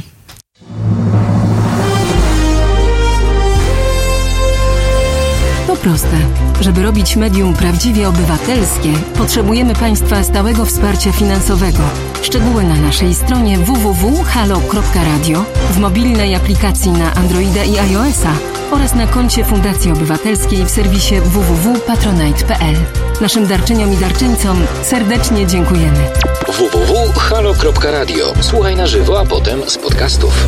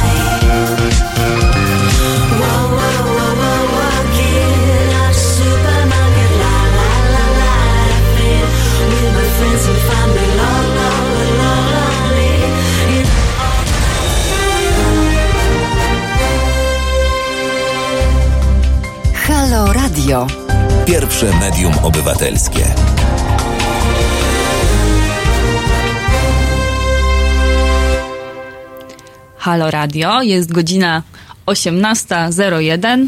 W studiu e, rozmawiamy z Wojciechem Cieślą, dziennikarzem Fundacji Reporterów i tygodnika Newsweek oraz panem e, Piotrem Okulskim, praktykiem od marketingu politycznego w internecie. E, mieliśmy bardzo ciekawy telefon przed piosenką i taka wywiązała się między nami dyskusja, panie Piotrze, właśnie jak to, jak to jest. E, bo też to w kontekście e, osób, które zatrudniają się w tego typu agencjach interesuje mnie. Em, Czy poglądy polityczne osób pracujących e, w takich e, miejscach mają jakieś znaczenie dla tych osób, czy to jest praca, praca? e, którą się zarabia na życie. Jak, jak pan to odbiera? Pan pracuje dla e, Prawa i Sprawiedliwości, dla polityków Prawa i Sprawiedliwości. Czy pa, dla pana, e, czy gdyby przyszedł polityk Platformy Obywatelskiej i powiedział, że chce zamówić pana usługę, wykonałby pan taką usługę? Znaczy myślę, że na pewno zależałoby to od wielu czynników, od tego, jaki byłby profil działalności tego kandydata, prawda, czy, czy, czy no inaczej. Znaczy na, na pewno nie odrzuciłbym tylko dlatego, że jest z Platformy, tak? Takie, takiego stanowiska bym nie zajął. Natomiast, e, no jakby musiałbym poznać tą osobę, bo też nie, nie współpracuję od razu e, z każdym. No myślę, że tutaj jakby też szczególnie odnosząc się do tego telefonu, mm, kwestia w ogóle etyki zawodowej w tej, w tej branży jest bardzo trudna, ponieważ no proszę spojrzeć tutaj na pewnego rodzaju dylemat, y, gdyż jeżeli załóżmy dany marketingowiec współpracuje z jedną opcją, no to jest klasyfikowany przez opinię publiczną jako powiedzmy partyjniak, tak, w cudzysłowie mówiąc kolokwialnie, a z drugiej strony jeżeli e, współpracuje z różnymi opcjami i oferuje swoje usługi różnym politykom, no to właśnie słyszy się takie komentarze, że ktoś się no, sprzedaje wszystkim, jak tutaj e, ten pan, który zatelefonował, był uprzejmy skomentować moją pracę. Więc cóż, no ja osobiście myślę, że jestem otwarty na oferty ze strony różnych, ze z różnych stron politycznych, gdyż e, moja praca nie nosi znamion e, poglądowych. Osobiście moje poglądy, owszem, są bardziej po prawej stronie i to przyznaję i nie kryję się z tym, nigdy się z tym nie kryłem i myślę, że każdy, kto mnie zna o tym wie, co nie znaczy, że w jakikolwiek sposób odrzucam propozycje z różnych stron polityki, jakby oddzielam moją prywatną sferę poglądową od zawodowej. Panie Wojtku, a jak e, Katarzyna Pruszkiewicz e, zatrudniła się tam na, w Katnecie, e, to co mówiła o współpracujących z nią osobach? Miała z nimi kontakt? Katarzyna miała kontakt z menadżerami firmy, z prezesem. W którymś momencie musiała też raportować panu Krystowskiemu, temu koledze Szejny, e, różne rzeczy, które robiła dla różnych klientów, e, więc to też dla, dla mnie to jest e, absolutnie zagadkowe, co ten e, Krystowski tam robił, bo wiemy, że nie miał kontaktu z jednym tematem, z jednym e, klientem, ale z wieloma. To jest też bardzo, e, bardzo ciekawe. Też pamiętam o tym, że Krystowski jest byłym wiceprezesem e, Świdnika, który sprzedał polskiej armii sporo drogich helikopterów. W tej sprawie też e, farma bardzo ostro działała. Natomiast Katarzyna miała kontakt z menadżerami, którym musiała raportować swoją aktywność w sieci. E, miała kontakt o tyle z pracownikami, z trollami, że e, była dołączona do takiego wewnętrznego czatu, takiej aplikacji Slack. I tam się odbywały dyskusje na, na, na różnych kanałach. Nie wiem, lewicowe konta, był taki kanał o dupie Maryni. E, różne, różne e, jakby odsłony też tego, co się działo. Świdnik oczywiście, dla którego pracowali e, i tak dalej, i tak dalej. To był czasem kontakt osobisty, czasami kontakt mailowy. Katarzyna to dość dobrze opisała w swoim tekście takim wspomnieniowym, tak? Z tego, jak była zatrudniona jako, jako troll w katetnet. Mhm. E, Ja kilka lat temu napisałam taki artykuł o, tylko kontaktując się z, os- e, z trollami e, i osobami, które zajmowały się tym trollingiem w internecie. E, I, nawet zrobiłam taki mały eksperyment, dając ogłoszenie w internecie na jednym z portali, e, że poszukuję do pracy takich osób, bo byłam bardzo ciekawa, kto się do takiej pracy zgłasza. E, I co ciekawe, e, zgłaszały się bardzo różne osoby. E, Najczęściej właśnie osoby związane z dziennikarstwem, komunikacją społeczną. E, Zgłosiła się jedna osoba z TVN-u, z jakiejś te, śląskiej telewizji, był e, copywriterzy z agencji reklamowych, handlowiec, sekretarka, hostessa, pełen przekrój e, osobowy i zawodowy. E, I przeważnie tym osobom w ogóle było obojętne, dla której partii mają trollować. Nawet mogę tutaj przytoczyć taki cytat jednego ze zgłoszeń. Robię to, bo lubię. Jeśli mógłbym jeszcze przy tym zarobić. A, przy, przy, od początku przeczytam. Jedną z moich codziennych form spędzania wolnego czasu przed laptopem jest wyżywka polityczna na wielu forach. Robię to, bo lubię i jeśli mógł, mógłbym jeszcze przy tym zarobić, z pewnością spędzałbym przed monitorem jeszcze więcej czasu, korzystając ze swojej wiedzy politycznej, społecznej i kreatywnego ubierania w słówka. Mam pytanie, o negowanie lub plusowanie której opcji politycznej chodzi? Także no, y, domyślam się, że te osoby y, podchodzą tak bardzo. mm, no, tak obojętnie, jeśli chodzi o, o to, co piszą, nie zdając sobie sprawy w ogóle ze znaczenia, nie zda, właśnie, nie zdając czy zdając sobie sprawy, jak myślicie, z tego znaczenia e, tego, co robią. To znaczy, no ja myślę, że jest to też, może być to też rodzaj pewnej cynicznej akceptacji, no bo jeżeli ktoś jest w stanie po prostu otwarcie kłamać gdzieś w internecie, no bo mamy świadomość, że większość treści rozpowszechnianych przez troli, no to nie jest przecież jakaś obiektywna prawda, tylko najczęściej przekaz oczekiwany przez dane stronnictwo polityczne, no to taka osoba, no jakby, no dla niej to już pewnie nie stanowi różnicy, czy to jest przekaz powiedzmy jednej partii, czy drugiej, no bo i tak, i tak jest to rodzaj kłamstwa, i tak, i tak jest to rodzaj ma- manipulacji, także jeżeli ktoś decyduje się na taką pracę, to zapewne, no też z myślą o tym, że, że może manipulować po każdej stronie. Tam na tym wewnętrznym czacie odbywała się taka dyskusja niejednokrotnie. Niejednokrotnie. To znaczy, że same trole y, były mm, może nie tyle wystraszone, ale, ale zdawały sobie sprawę z tego, co robią i parę razy zaczepiały menadżera, menadżera Michała. E, o to, co się dzieje. Na przykład e, ktoś pisał, słuchaj, ale wiesz, pod tym szejną, pod tym szejną to właściwie tylko my dyskutujemy ze sobą. Jak ktoś się połapie, to będzie awantura. To znaczy, ci ludzie zdawali sobie sprawę z tego, że to nie jest okej. Te- Żeby była jasność. Ta farma nie łamała prawa. E, To się nie odbywa na, na, na poziomie odpowiedzialności karnej. Mm, To się odbywa na poziomie e, odpowiedzialności moralnej, tak, etycznej. Y, albo tam też w jakiejś dyskusji w sprawie, w sprawie soków, której y, zniesienia tego, tego utrzymania niskiego VAT-u na soki dokładnie, tam też się bardzo mocno y, trole angażowały i też zwracały uwagę, mówiąc, słuchaj, do menadżera, przecież to tam dyskutujemy tylko my. Nikogo to nie obchodzi poza wielkimi producentami soków, to są najczęściej wielkie firmy niemieckie lub austriackie i tam bierzemy udział tylko my. Jak ktoś się połapie, będzie awantura, będzie źle.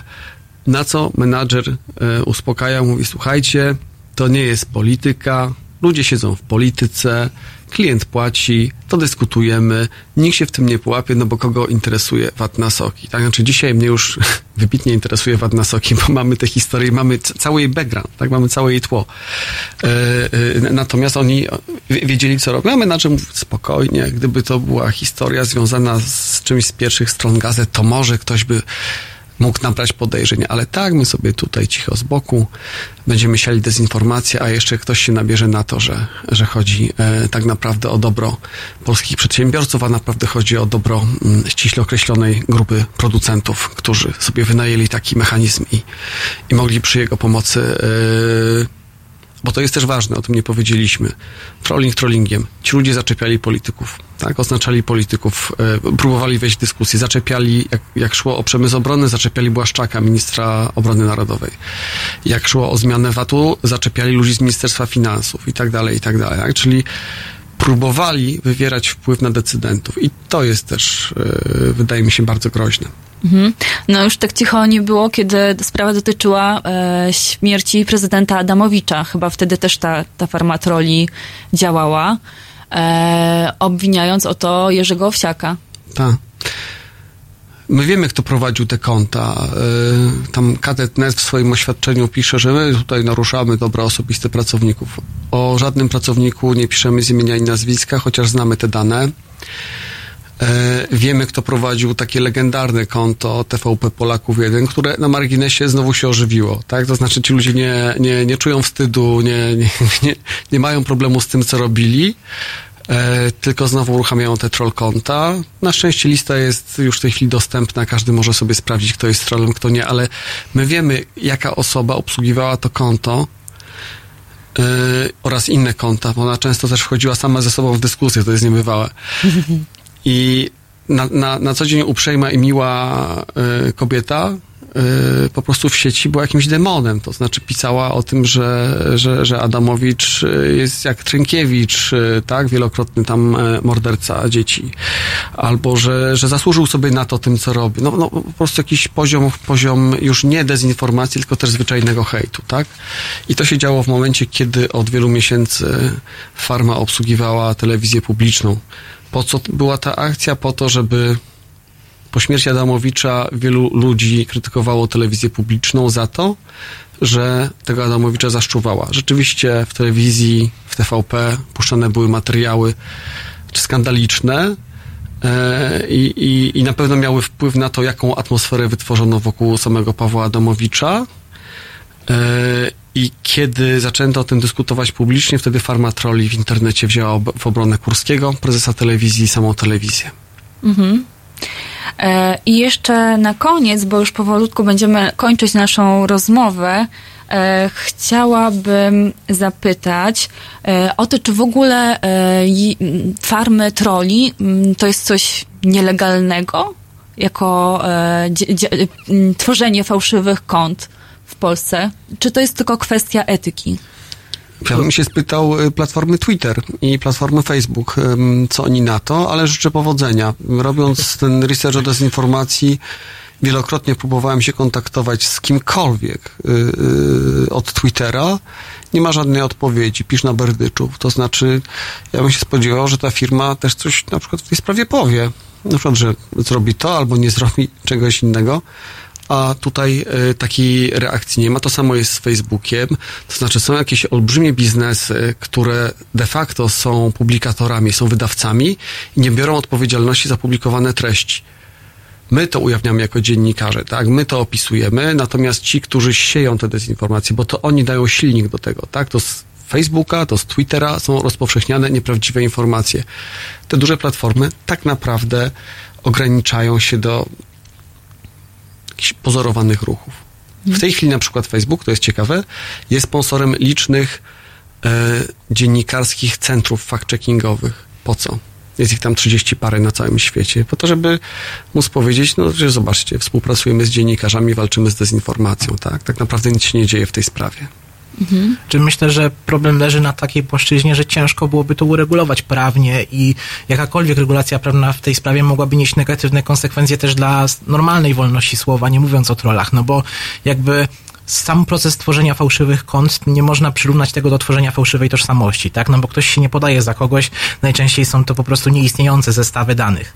Więc jakby, no, nie jestem specjalistą do spraw prawa akurat, że tak to ujmę, aczkolwiek myślę, że jakakolwiek regulacja musiałaby być bardzo dobrze przemyślana i trudno byłoby to po prostu zrobić. A jeszcze wracając do samych platform i mediów społecznościowych, no to tutaj znowu pojawia się problem, bo jakby automatyczny algorytm nie jest w stanie zdefiniować tego, czy ktoś troluje, czy nie, więc musiałby to robić pracownik administracyjny Facebooka. No, myślę, że taką korporację byłoby stać na uruchomienie takiego działu, co do tego nie mamy wątpliwości. Natomiast tutaj nadal pojawia się kwestia, czy udałoby się pozyskać tylu neutralnych pracowników w każdym z krajów, na przykład, gdzie funkcjonuje Facebook, czyli powiedzmy no, na całym świecie tak naprawdę, e, którzy mogliby, e, że tak powiem, to kontrolować niezależnie, czy, czy też w sposób obiektywny, bo też bardzo trudno byłoby uniknąć na przykład prewencyjnej cenzury treści, co już gdzie niegdzie ma miejsce na portalach społecznościowych, bo można dostrzec, że, że pewne treści są powiedzmy blokowane tylko dlatego, że są w jakiś sposób niewygodne, a niekoniecznie dlatego, że łamią regulamin serwisów. Mhm. E, Pan Anatol, ten pan, który dzwonił, mówi, dlatego mamy troli u władzy. Domyślam się, że dlatego tak, tak podsumował naszą tak, domyślam się, że dzisiejszą to raczej dyskusję. brak sympatii po prostu do obozu rządzącego tutaj zagrał główne skrzypce. Mhm. E, Ja chciałabym serdecznie podziękować. E, Tutaj chciałabym też nadmienić e, i uspokoić naszych słuchaczy, że to ta część audycji e, dobiega końca, ta o trollowaniu politycznym w internecie e, i rozmowa z e, Wojtkiem Cieślą, e, dziennikarzem Newsweeka i Piotrem Okulskim, który zajmuje się marketingiem politycznym w internecie. A po piosence, zaraz Państwu powiem jakiej, piosenka będzie George Ezra, Paradise. O ile się nie mylę, wrócimy do naszej audycji, a tematem jej będzie rozmowa o feminatywach.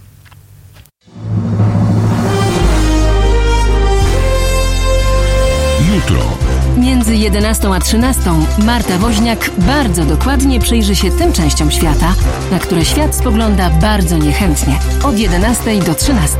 www.halo.radio. Słuchaj na żywo, a potem z podcastów.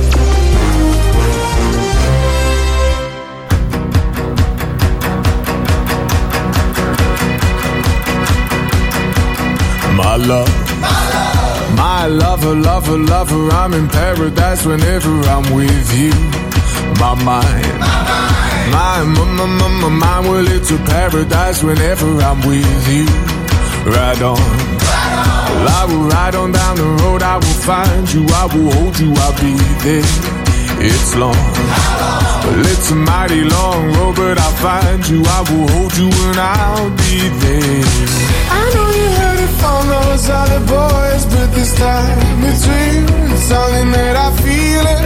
I know you heard it from those other boys, but this time it's real. It's something that I feel it. If it feels like paradise running through your bloody veins, you know it's love heading your way. If it feels like paradise running through your bloody veins, you know it's love heading your way. Time, my time, well, it's a never ending helter skelter. We'll be out whatever the weather. My heart, my boom boom heart, it's a beat and it's a thumping, and I'm alive.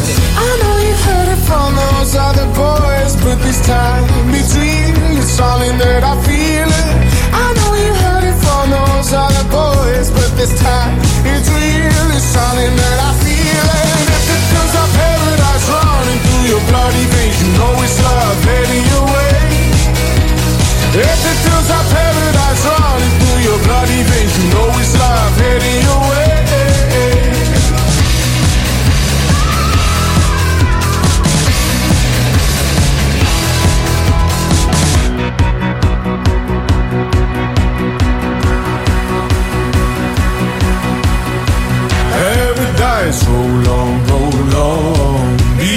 Pharaoh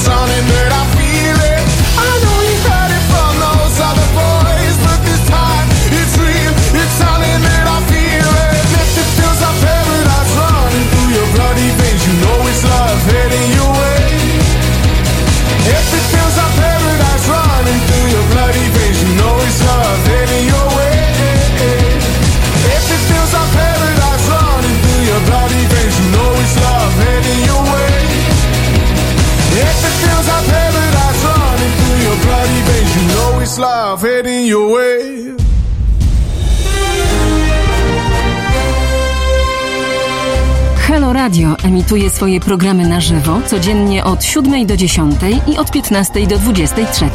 W weekendy od 11 do 23. Nocą Halo Radio gra powtórki najciekawszych programów dla naszych rodaków z oceanu. www.halo.radio. Słuchaj na żywo, a potem z podcastów. Halo, słuchacze. E, zaczynamy drugą. I słuchaczki, słusznie. Jak można mówić o feminatywach w momencie, kiedy mówimy słuchacze? No ja chyba mam jeszcze sporo na sumieniu w tym zakresie. Bardzo słusznie. To e, ta, która tutaj mnie upomniała osoba, e, wspaniała kobieta to Jana Szostak, e, artystka. E, I Miss. Gościni i Miss e, i współreżyserka filmu Miss Polonii powstającego. E, Z nami jest także Agnieszka Mrozik, członkini zarządu Fundacji Gender Center e, oraz zespołu Archiwum Kobiet, autorka książki Akuszerki Transformacji Kobiety, literatura i władza w Polsce po 1989 roku. Dzień dobry. E, I także z nami jest pani Kamila Ferenc, prawniczka w Federacji na Rzecz Kobiet i Planowania Rodziny oraz koordynatorka zespołu prawnego Federacji. Cieszę się, że chociaż e, przygotowując się zapisałam wszystkie, e, wszystkie stanowiska i funkcje z końcówkami. E, właśnie, jak to jest? Ostatnio wywiązała się całkiem spora dyskusja, bo posłanki lewicy poprosiły, żeby nie nazywać ich posełkami, po- posłami, Posłami. Tylko e, żeby mówić o nich e, posłankami. I jakie według Was są szanse na to, żeby zaczynając od Sejmu to się e, no, to, zostało wprowadzone, czy na tych tabliczkach sejmowych, czy na kartach do głosowania i w innych miejscach przestrzeni sejmowej. Ja niestety jestem pesymistką i myślę, że szanse w tym Sejmie szczególnie są marne.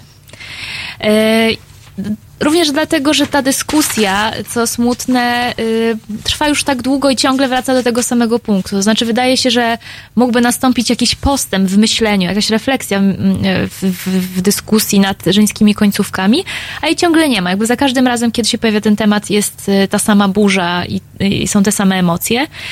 Tutaj y, w przypadku Sejmu będzie tym trudniej i ja sama też to w świecie prawniczym odczuwam, że tam e, będzie się pojawiał argument, że to wynika z ustawy, że w ustawie jest poseł, tak, czy w konstytucji, a nie ma posłanki i trzeba się tą oficjalną terminologią e, posługiwać. U mnie w, w Okręgowej Radzie Adwokackiej też tak jest, jestem aplikantem.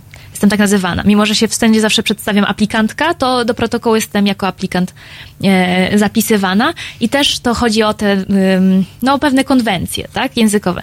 Natomiast y, poza nimi jest bardzo duża płaszczyzna do tego, żeby jednak ten język mógł ewoluować i się dostosować do, do rzeczywistości, czyli też obecności kobiet w życiu publicznym. Natomiast y, w, w praktyce myślę, że, że są ma, małe szanse, ale drogą do tego, żeby się to zmieniło w instytucjach publicznych jest to, żeby też społeczeństwo y, tak zrozumiało, z czego y, potrzeba żeńskich końcówek wynika. Część społeczeństwa rozumie, a część e, Wciąż nie. wczo- wyśmiewa to i mówi, że to jakiś problem e, drugiej kategorii. Nie wiem, czy to jest problem drugiej kategorii. Znaczy, ja muszę powiedzieć, że dla mnie ta dyskusja jest o tyle, e, tak jak nawet korespondowałyśmy, mnie ona nie za bardzo elektryzuje.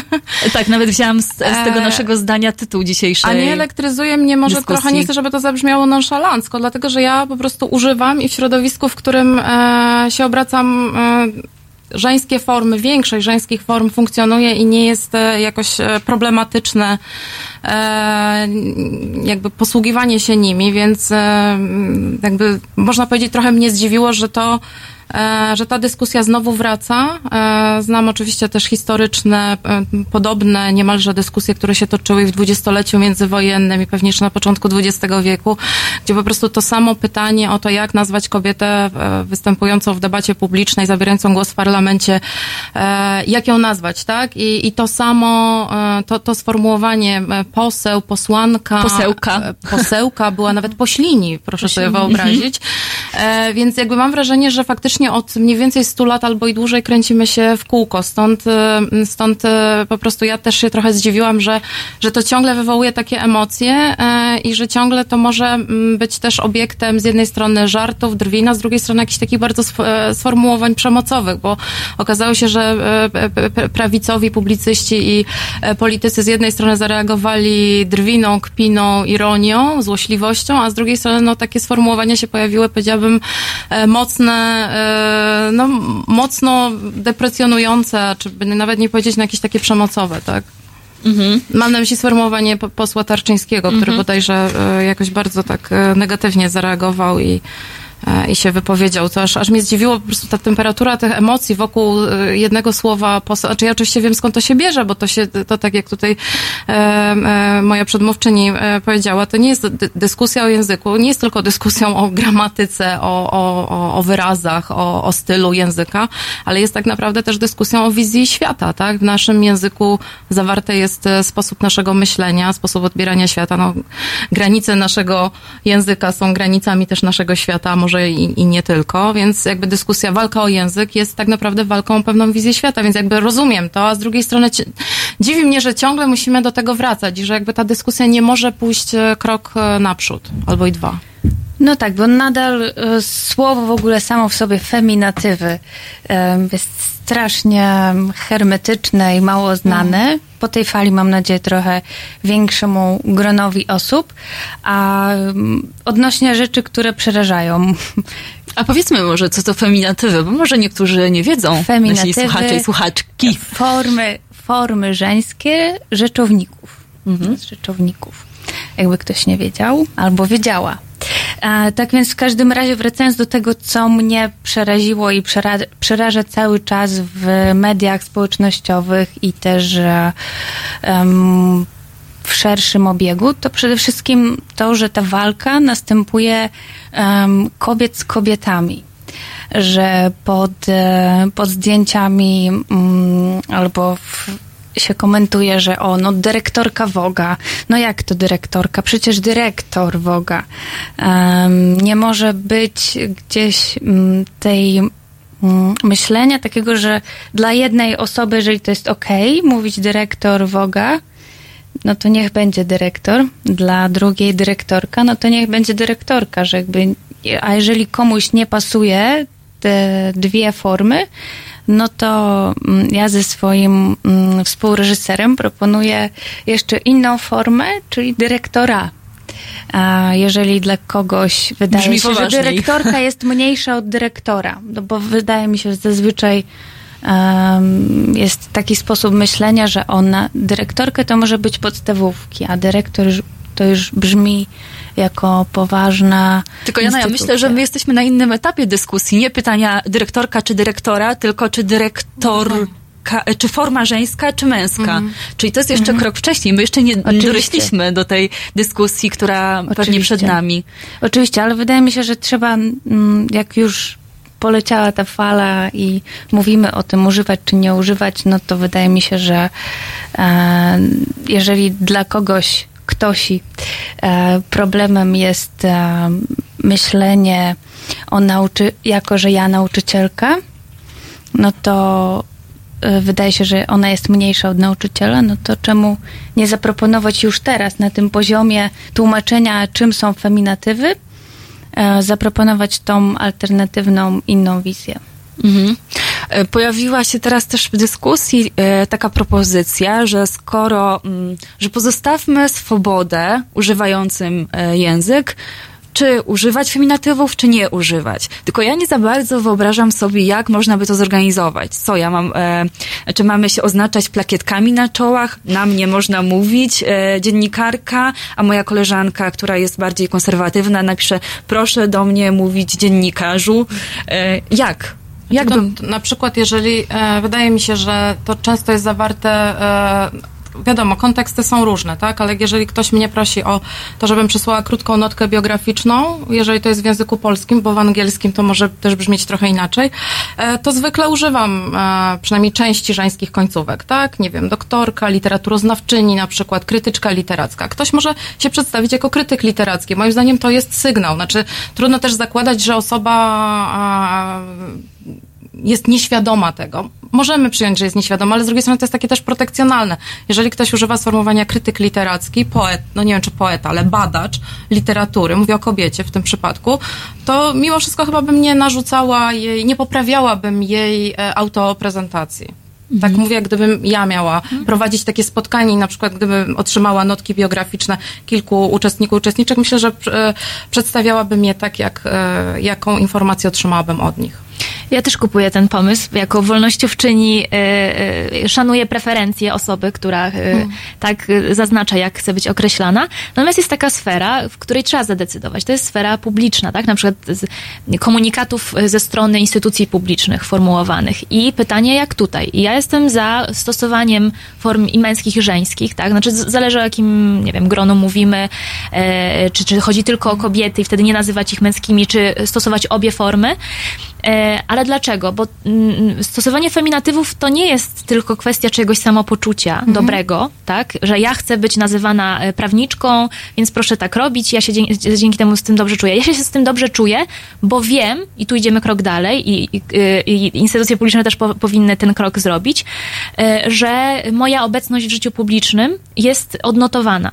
Że ja nie muszę się chować albo wtapiać w, w tą drugą płeć, tylko istnieje odrębnie i dzięki temu nigdy, albo przynajmniej zwiększają się szanse, że nigdy nikt nie pomyśli, że dla kobiet tutaj nie ma miejsca, albo kobiety się do tego nie nadają, albo e, kobiety są słabsze, no bo przecież gdyby były silniejsze, to by sobie e, tak wywalczyły, nie wiem, końcówki, obecność, stanowiska. Chciałabym, żeby również za pomocą języka, to nie jest jedyne narzędzie, ale także za pomocą żeńskich końcówek skończyć z myśleniem, że kobieta to tylko sekretarka, a mężczyzna to tylko prezes, albo kobieta to tylko słabsze, śmieszniejsze zawody, a, a te poważne, oznaczające władzę i pieniądze to, to, to dla mężczyzn. E, Żeby nikt nigdy kobietom też nie odmawiał e, z przyczyn niemerytorycznych, tylko właśnie takich uprzedzeniowych, stereotypowych, e, no, dostępu do edukacji, do kompetencji, do rozwoju zawodowego, ale też, żeby zacząć o kobietach myśleć. Kobiety są ciągle ignorowane i niedostrzegane, jeżeli się projektuje jakieś polityki publiczne. Podam prosty przykład. Gdyby to mężczyźni rodzili, albo gdyby to chodziło o mężczyzn, to nie, miał, nie byłoby takich problemów na przykład ze standardami opieki okołoporodowej albo z dostępem do zabiegów aborcji na przykład. Czy jeżeli mogę dodać, bo w pełni się z tym zgadzam. Ja bym bardzo chciała, żeby ta dyskusja, która się teraz e, znowu toczy po raz kolejny w naszej historii, e, nie skończyła się tylko na tej deklaracji posłanek i odpowiedzi takiej lub innej, ale żeby za nią poszły jakieś e, pomysły. Ja nie wiem, czy to od razu muszą być ustawy, ale jakaś taka dyskusja i, i, i plany edukacyjne. Bo rozmawialiśmy też tutaj przed programem, że tak naprawdę bardzo e, wiele e, z tych słów, które używamy, są w jakiś sposób zakorzenione też w jakiejś tradycji, konwenansach, środowiskach, w których się obracamy. obracamy. Ja mówię, że dla mnie te sprawy są naturalne, czy powiedzmy przezroczyste, bo obracam się w takim, a nie innym środowisku. Ktoś może obracać się w innym środowisku e, i, dla, i może dla tej osoby być dziwne używanie albo w jakiś sposób wkraczające, ingerujące w jego czy jej, e, nie wiem, e, przestrzeń, wizję świata i tak dalej. Więc bardzo bym się cieszyła, gdyby, gdyby ta dyskusja zaowocowała z jednej strony jakimiś, no na przykład lekcjami albo rodzajem jakiejś dyskusji też w szkołach albo na różnych kursach, w mediach o języku. Co nam robi język tak naprawdę? Co my robimy z językiem, ale też co robi nam język. Żeby na przykład w różnych formularzach urzędowych, których ciągle funkcjonują głównie że męskie formy, nie wiem, petent, adresant, e, nadaw, nadawca, to może tak, tak, nadawca, tak, ale e, żeby tam również e, nawet jako przełamana kreską był nadawca, nadawczyni, adresat, adresatka. Właściwie to niewiele, niewiele moim zdaniem kosztuje, chyba, że kosztuje po prostu produkcja nowych druków, tak, nowych, nowych dokumentów, ale chciałabym, żeby po prostu to nie była tylko taka mm, sztuka dla sztuki ta dyskusja, tak? E, e, dyskusja o języku dla samej dyskusji o języku, aby coś poszło za nią, e, za nią dalej, bo, bo w języku, tak jak powtórzę, zakodowane jest nasze myślenie o świecie, nasz sposób postrzegania innych ludzi, dowartościowujący tych ludzi, ale również deprecjonujący ich, tak? Rozmawiamy o żeńskich końcówkach, ale tak naprawdę też przed programem rozmawialiśmy, stereotypy zakodowane w języku są bardzo różne, tak? Sposób, w jaki nazywamy osoby czarnoskóre, Romów i tak dalej. To ciągle w, w różnych środowiskach w Polsce e, funkcjonuje. Funkcjonuje jako, nie wiem, naturalne, przezroczyste, na przykład mówienie cygan, murzyn, już nie mówię o jakichś bardziej e, e, drastycznych sformułowaniach, aby po prostu ta dyskusja o, o, o żeńskich końcówkach nie skończyła się tylko takim oto sformułowaniem, jest jakiś temat zastępczy, porozmawiajmy sobie, może zabawny, może mniej zabawny, ale żeby coś za tym poszło dalej. Głębsza refleksja o języku w różnych jego wymiarach. Co do działań, to staram się w, przy podpisaniu umowy zawsze wysyłać i poprawiać e, do różnych instytucji kultury przede wszystkim. I niestety nie wszystkie instytucje uwzględniają moją prośbę. Mam nadzieję, że po takiego typu falach No to, właśnie. to jednak się zmieni, bo, bo to się powoli, ale zmieni, mam nadzieję. A w kontekście edukacji też chciałam mm, tutaj zacytować i przeczytać krótki e, wiersz Anny Adamowicz, doktorantki na łamie, która e, zmieniła i przekonwertowała e, wiersz znany z PRL-u, który odrażał myślenie o tym, żeby używać feminatywy. E, Chińczyk, taka gra. Chinka, kobieta pochodzenia chińskiego. Pilot, kontroler do telewizora. Pilotka, kobieta sterująca samolotem. Grafik, rozkład zadań. Graficzka, kobieta tworząca grafiki. Góral, taki rowar. Góralka, kobieta mieszkająca w górach. Licencjat, praca pisana w połowie studiów. Licencjatka, kobieta, która taką pracę napisała i obroniła.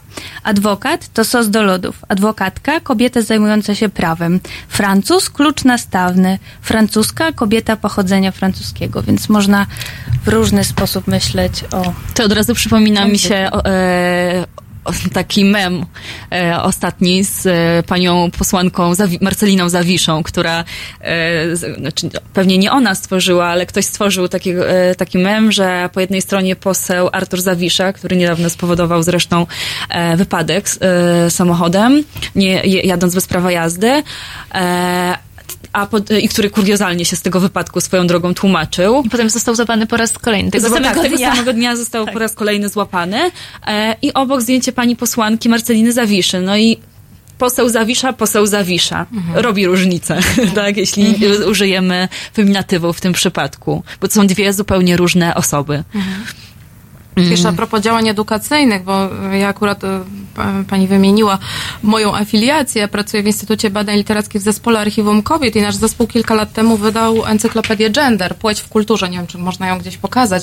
E, I jakby po kilku latach wróciłam, trochę. wróciłam e, do tej publikacji, bo przypomniałam sobie, że po prostu u nas w tym, w tym, w tym tomie, który może być też tomem dla nauczycieli, nauczycielek jako pomoc dydaktyczna, mamy hasło poświęcone językoznawstwu nie wiem, feministycznemu czy genderowemu, językowy obraz świata, nierówności w języku, e, więc e, tu kompetentne językoznawczynie z Lublina e, jakby dają też narzędzia, jak można po prostu prowadzić zajęcia, by uwrażliwiać na te, na te sprawy, nie wiem, dzieci, młodzież, ale też dorosłych.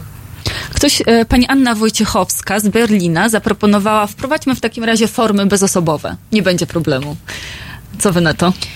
No to nie jest, y, znaczy to może jest jakaś prowokacja, ale to, to też powinno otworzyć jakąś dyskusję, bo też chciałam o tym powiedzieć, że jedna rzecz to y, żeńskie końcówki, o które walczymy już, ho, ho, jest 2019 rok, zbliża się ku końcowi, a my wciąż nie mamy y, zgody co do tego, ale przecież zaraz będzie coraz silniej... ym, em, artykułowana potrzeba, żeby też uwzględniać osoby trans, osoby niebinarne w języku. I też nie można tego lekceważyć, tak? Potrzeb tych osób. Natomiast wydaje mi się, że język ma narzędzia, tu y, pewnie y, inna gościni Mhm. tej audycji będzie wiedziała lepiej, ale ma narzędzia, żeby sobie z tym poradzić, tak? Nawet rozmawiałyśmy przed audycją, że jeżeli jest przedszkolanka i potrzebujemy formy męskiej, to można i trudno ją skonstruować przy y, użyciu tych y, funkcjonujących zazwyczaj tam Mhm. prefiksów czy sufiksów, to jest coś takiego jak opiekun przedszkolny, tak? Można sobie, można z tego, z tego Mhm. wybrnąć. Więc formy bezosobowe, no nie, może nie, nie, nie obejmą wszystkiego, bo z drugiej strony przykryją też e, te dystynkcje, tak? I to, Mhm. i też ten proces emancypacji, bo on tutaj też jest ważny. Że to nie jest tak, że my startujemy z równego punktu, albo że, że jak... tak, I te właśnie te formy bezosobowe też mogą być krzywdzące w jakimś stopniu, bo, bo sprawią, że nie będzie widoczne wejście tych kobiet do Mhm. życia publicznego. A o to też nam chodzi, bo co się kryje za niechęcią do żeńskich końcówek? No, wydaje mi się, że jednak trochę to, że, mm, że, nie, że niektórzy nie chcą się podzielić tą przestrzenią, która jest e, w większości w ich władaniu wciąż. I to jest widoczne w języku. Tak? Czyli po prostu mężczyźni swojego przywileju e, czy władzy nie chcą dać. I czasami nie tylko mężczyźni, bo kobiety, które są przeciwne końcówkom, wydaje mi się, że też e, jakby koniec e, widnokręgu widzą na końcu swojego przywileju. To znaczy, że to, im że to, że im się udało i że one mają władzę czy, czy pozycję równą, równą mężczyznom, to nie znaczy, że każda kobieta ma te, te same szanse i ten sam, y, może jakby podzielić tę historię, tak? Tylko, że wciąż też ma trudniej. I still need to fight for this fucking shit. A e, słyszałam też, że dużo łatwiej oswoić się e, jakby takim dowodem na to właśnie, że to jest pewna e, walka o wejście, e, o o władzę w jakimś sensie, tak? E, To jest to, że dużo łatwiej nam oswoić się z końcówkami dla tych zawodów o takich mniejszych prestiżach e, Mhm. społecznie odbieranych, a dużo trudniej właśnie na tych eksponowanych stanowiskach, w których e, odpowiedzialność i władza jest dużo większa. Typu mm, prezeska, e, typu właśnie posłanka, e, czy, czy jeszcze innych, a już na przykład sprzątaczka jest e, takim dość akceptowanym mocno określeniem. Tę bardzo ciekawą dyskusję z moimi gościniami e, będziemy kontynuować po piosence Massive Attack e, Paradise Circus.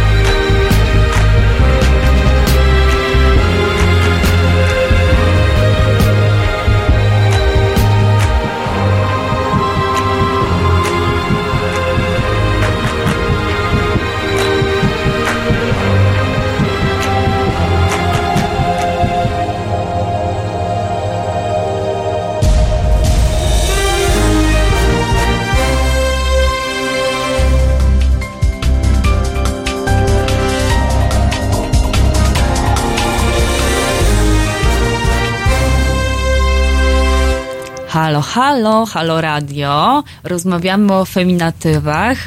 E, A przypominam, że Państwo nie tylko mogą komentować naszą rozmowę na YouTubie i na Facebooku i wysyłać maile na adres terasmałpahalo.radio, ale też można do nas dzwonić na numer telefonu 22 39 059 22. Więc jeśli ktoś z Państwa chciałby zabrać głos w tej dyskusji, to zapraszam e, na naszym YouTubie, na naszym czacie YouTube'owym komentarze. E, dużo takich ironicznych stwierdzeń, jak e, zmieniać męskie e, rzeczowniki na żeńskie. E, a tymczasem w naszym studiu nie tak do końca niespodziewanie, bo był zapowiadany w zajawkach dzisiaj rano, e, pojawił się mężczyzna Jakub e, Jasiukiewicz, e, artysta, kierownik katedry intermediów e, na Uniwersytecie Artystycznym w Poznaniu. Tak, zgadza się. Dzień dobry Państwu. E, Ja chciałem nawiązać do tego, co w- e, wcześniej e, mówiły koleżanki moje, jeśli mogę tak powiedzieć.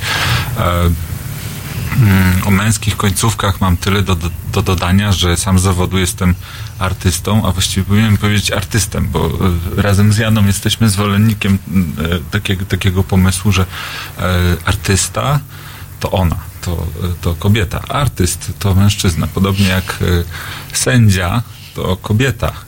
Sędzi prawdopodobnie byłby, e, byłby mę- mężczyzną w takiej sytuacji i nie dotyczy to tylko tych zawodów tak zwanych wysokich, o których wcześniej tutaj wspominaliśmy, ale też e, kierowca e, to też jest kobieta, szczególnie, że teraz pośród na przykład w zbiorkomie większość mm, kierowców czy kierowczyń to są właśnie kobiety. Mhm. E, Tylko ciągle tutaj powtarzamy właśnie, bo dyskutujemy o języku, a chodzi, e, chodzi o zmianę społeczną, e, prawda, żeby, żeby ten język tylko był emanacją tego, co się dzieje. Zresztą widziałam tu na YouTubie komentarz Piotra Szumlewicza, redaktora na, naszej Halo Radia. Mówi, że co z tego, że zmienimy, co, co zaczniemy wprowadzać końcówki żeńskie do mm, do naszych słowników, do języka, e, podczas gdy sytuacja na rynku pracy się nie zmieni. No właśnie. Więc właśnie to jest, to jest coś, co ja próbowałam wyartykułować i próbuję wyartykułować. Znaczy ja się bardzo cieszę, że dyskusja jako literaturoznawczyni, badaczka języka, kultury, literatury, bardzo się cieszę, że ta dyskusja się toczy, ale bardzo bym nie chciała, żeby ona się tylko zaczęła i skończyła na języku, tak? Znaczy dyskusja, e, cieszę się, że lewica, kobiety lewicy wracają do Sejmu, natomiast muszę powiedzieć, że Z jakimś trochę zmieszaniem przyjęłam informację, że pierwszy, pierwszy postulat czy pierwsza propozycja, nie wiem, uchwały czy jakiegoś e, głosu ma dotyczyć żeńskich końcówek. A e, przyjęłam to ze zmieszaniem właśnie dlatego, że po pierwsze obawiam się, że to będzie trochę wtłoczenie, będzie to rodzaj wtłoczenia w pewną niszę e, i w pewną taką, no można powiedzieć właśnie środowiskową dyskusję pod tytułem to jest teraz dla nas ważne, dla nas ludzi, nie wiem, z wielkich miast, świetnie wykształconych, więc my teraz ruszymy ten temat i uznamy go za fundamentalnie ważny, bo właśnie pierwszy. Podczas gdy część ludzi może powiedzieć, no ale przepraszam bardzo, są, jest cała masa spraw, które e, są istotniejsze. I teraz nie chcę powiedzieć, że język, czy ta dyskusja o języku to jest temat, tak zwany temat zastępczy, jak to próbowałaby powiedzieć e, prawica, bo zawsze można powiedzieć, nigdy nie ma dobrego momentu, żeby ten temat ruszyć, tak? Ale z drugiej strony e, bardzo bym, bym apelowała do, do, do posłanek, aby za tym szły jakby dalsze dyskusje właśnie o rynku pracy, o e, również edukacji, o, e, o tym, żeby ta dyskusja nie, sk- nie skończyła się właśnie na tym, jak my sobie będziemy teraz tworzyć te prefiksy, sufiksy żeńskie, męskie i tak dalej, ale żeby też zobaczyć, że w języku za, zawarte są na przykład e, nie tylko stereotypy, ale po prostu często przemocowe sformułowania. Poprawność polityczna, z której lubi się wyśmiewać prawica, to nie jest od po prostu, że my teraz sobie będziemy dodawać kolejne grupy e, do języka, czy do naszego właśnie jakiegoś e, słownika, ale to jest przede wszystkim ochrona ludzi też przed przemocą, żeby pokazać, że język ma e, po prostu też moc ranienia, krzywdzenia i że jakby z e, tymi językowymi, tymi na przykład końcówkami żeńskimi wiąże się nie tylko dowartościowanie pewnej grupy społecznej, jaką są kobiety, ale również ochrona kobiet, czy właśnie mniejszości etnicznych, rasowych, e, wyznaniowych przed różnymi e, przemocowymi sformułowaniami, które również w języku są. Nie wiem, na ile wyraziłam się jasno. Kończąc, cieszę się, że temat jest poruszony. Bardzo bym nie chciała, żeby walka o język zaczęła i skończyła się na walce o język. Mhm. Takim dobrym przykładem jest e, raport z badania Fundacji Sztuki Polskiej ING, e, która robiła e, opytania wśród studentek i studentów Akademii Sztuk Pięknych w Polsce pod różnym kątem. No i głównie się okazało, że mm, niestety, ale kobiety, artystki, studentki są mniej pewne siebie, są mniej pewne swojej przyszłości.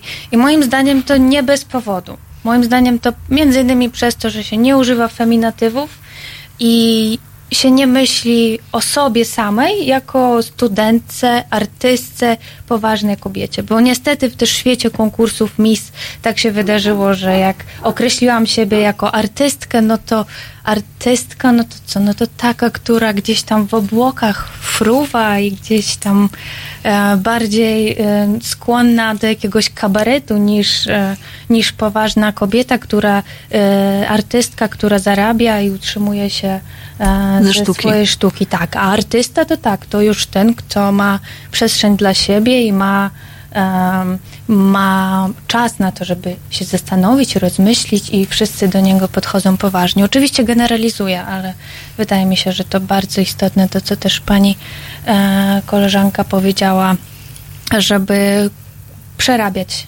i patrzeć na jakie inne płaszczyzny, e, czy to pewności, czy to hejtu, czy to e, zawo- polepszania zawodu i stosunków w, międzyludzkich, czy, czy feminatywy faktycznie wpływają. Mhm. Co więcej, e, wiem też, z, e, bo jestem mamą i w podręcznikach szkolnych, kiedy jest e, zastosowana forma porozmawiaj z kolegą, to dzieci bardzo dosłownie biorą to. Nie, nie uważają, że to zawiera w sobie zbiór, Koleżankę. ko, koleżankę, Mhm. tylko szukają kolegi, żeby z nim wykonać dane zadanie. E, także tutaj od, myślę, że od podstaw właśnie, od tego, e, mm, od tych najmłodszych lat warto by było zwracać na to uwagę, to wtedy jest szansa, że później e, to dziecko mm, będzie stosować naturalnie, a nie będzie oburzało się, że e, chirurżka jej nie brzmi, Mhm. jej, temu dziecku nie brzmi, bo to, no tak jak ostatnio pani redaktor Gozdyra powiedziała, że ona no, ma swój słuch i on, jej się to źle słyszy.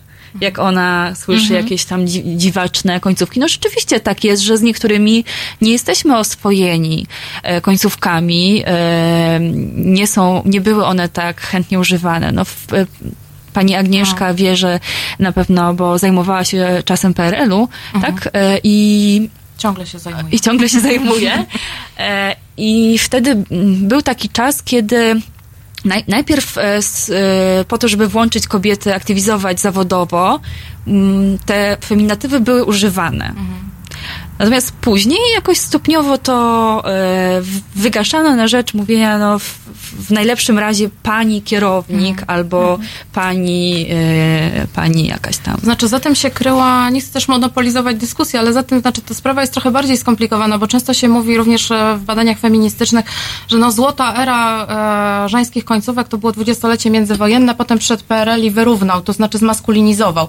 Sprawa nie jest taka prosta, bo e, za tym, nie wiem, mani- maskulinizowaniem, czy też raczej uniwersalizowaniem kryła się też pewna filozofia, filozofia oświeceniowa. Na przykład e, działaczki, aktywistki, które e, w pewnym momencie właśnie e, optowały za tym włączeniem kobiet e, na rynek pracy, tłumaczyły to tak, tłumaczyły to właśnie taką e, oświeceniową wizją świata, że e, kobieta oczywiście jest kobietą, ale jest przede wszystkim człowiekiem, tak?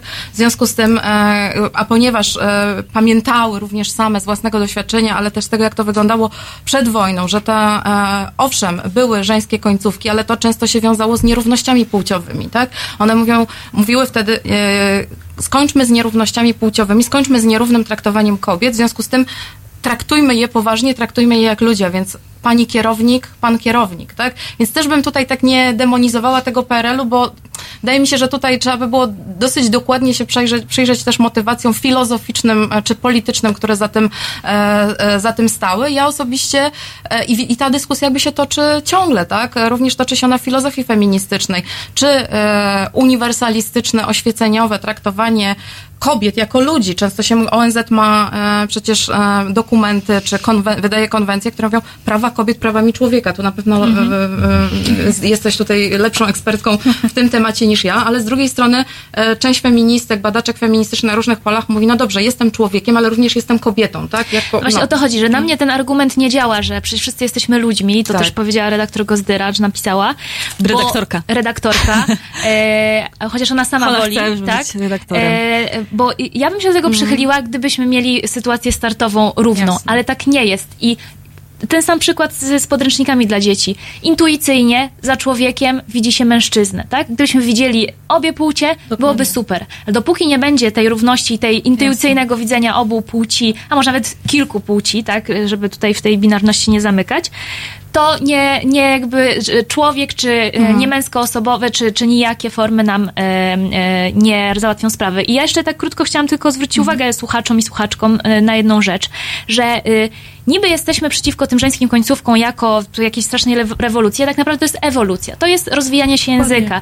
I e, ja nie widzę oporu, gdy po pierwsze, no on czasami się pojawia, wchodzą anglicyzmy do języka, ale po drugie wchodzą nowe słowo typu iPhone, komputer kiedyś, nowe nazwy, X, Xboxy i tak dalej, czyli e, słowa, które mają nadążać za rozwojem technologicznym. Kto z nas jest, za, jest przeciwko rozwojowi? Przeciwko rozwojowi medycyny, technologii. Przecież nikt nie chce mieszkać w szałasie i umierać na grypę, prawda?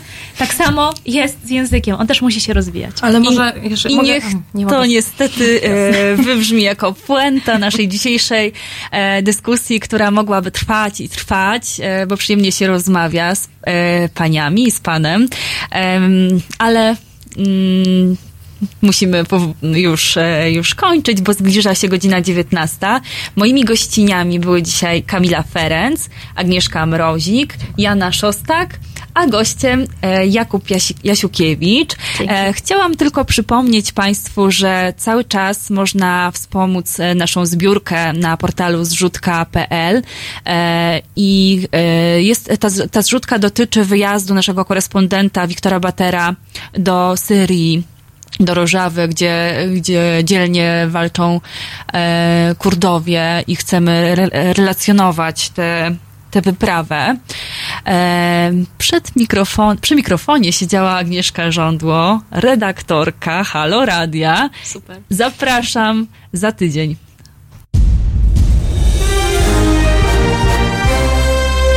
Jutro. Od 17 do 19 Estera Prugar i jej kulturalnie muzyczni goście. 17-19. www.halo.radio. Słuchaj na żywo, a potem z podcastów.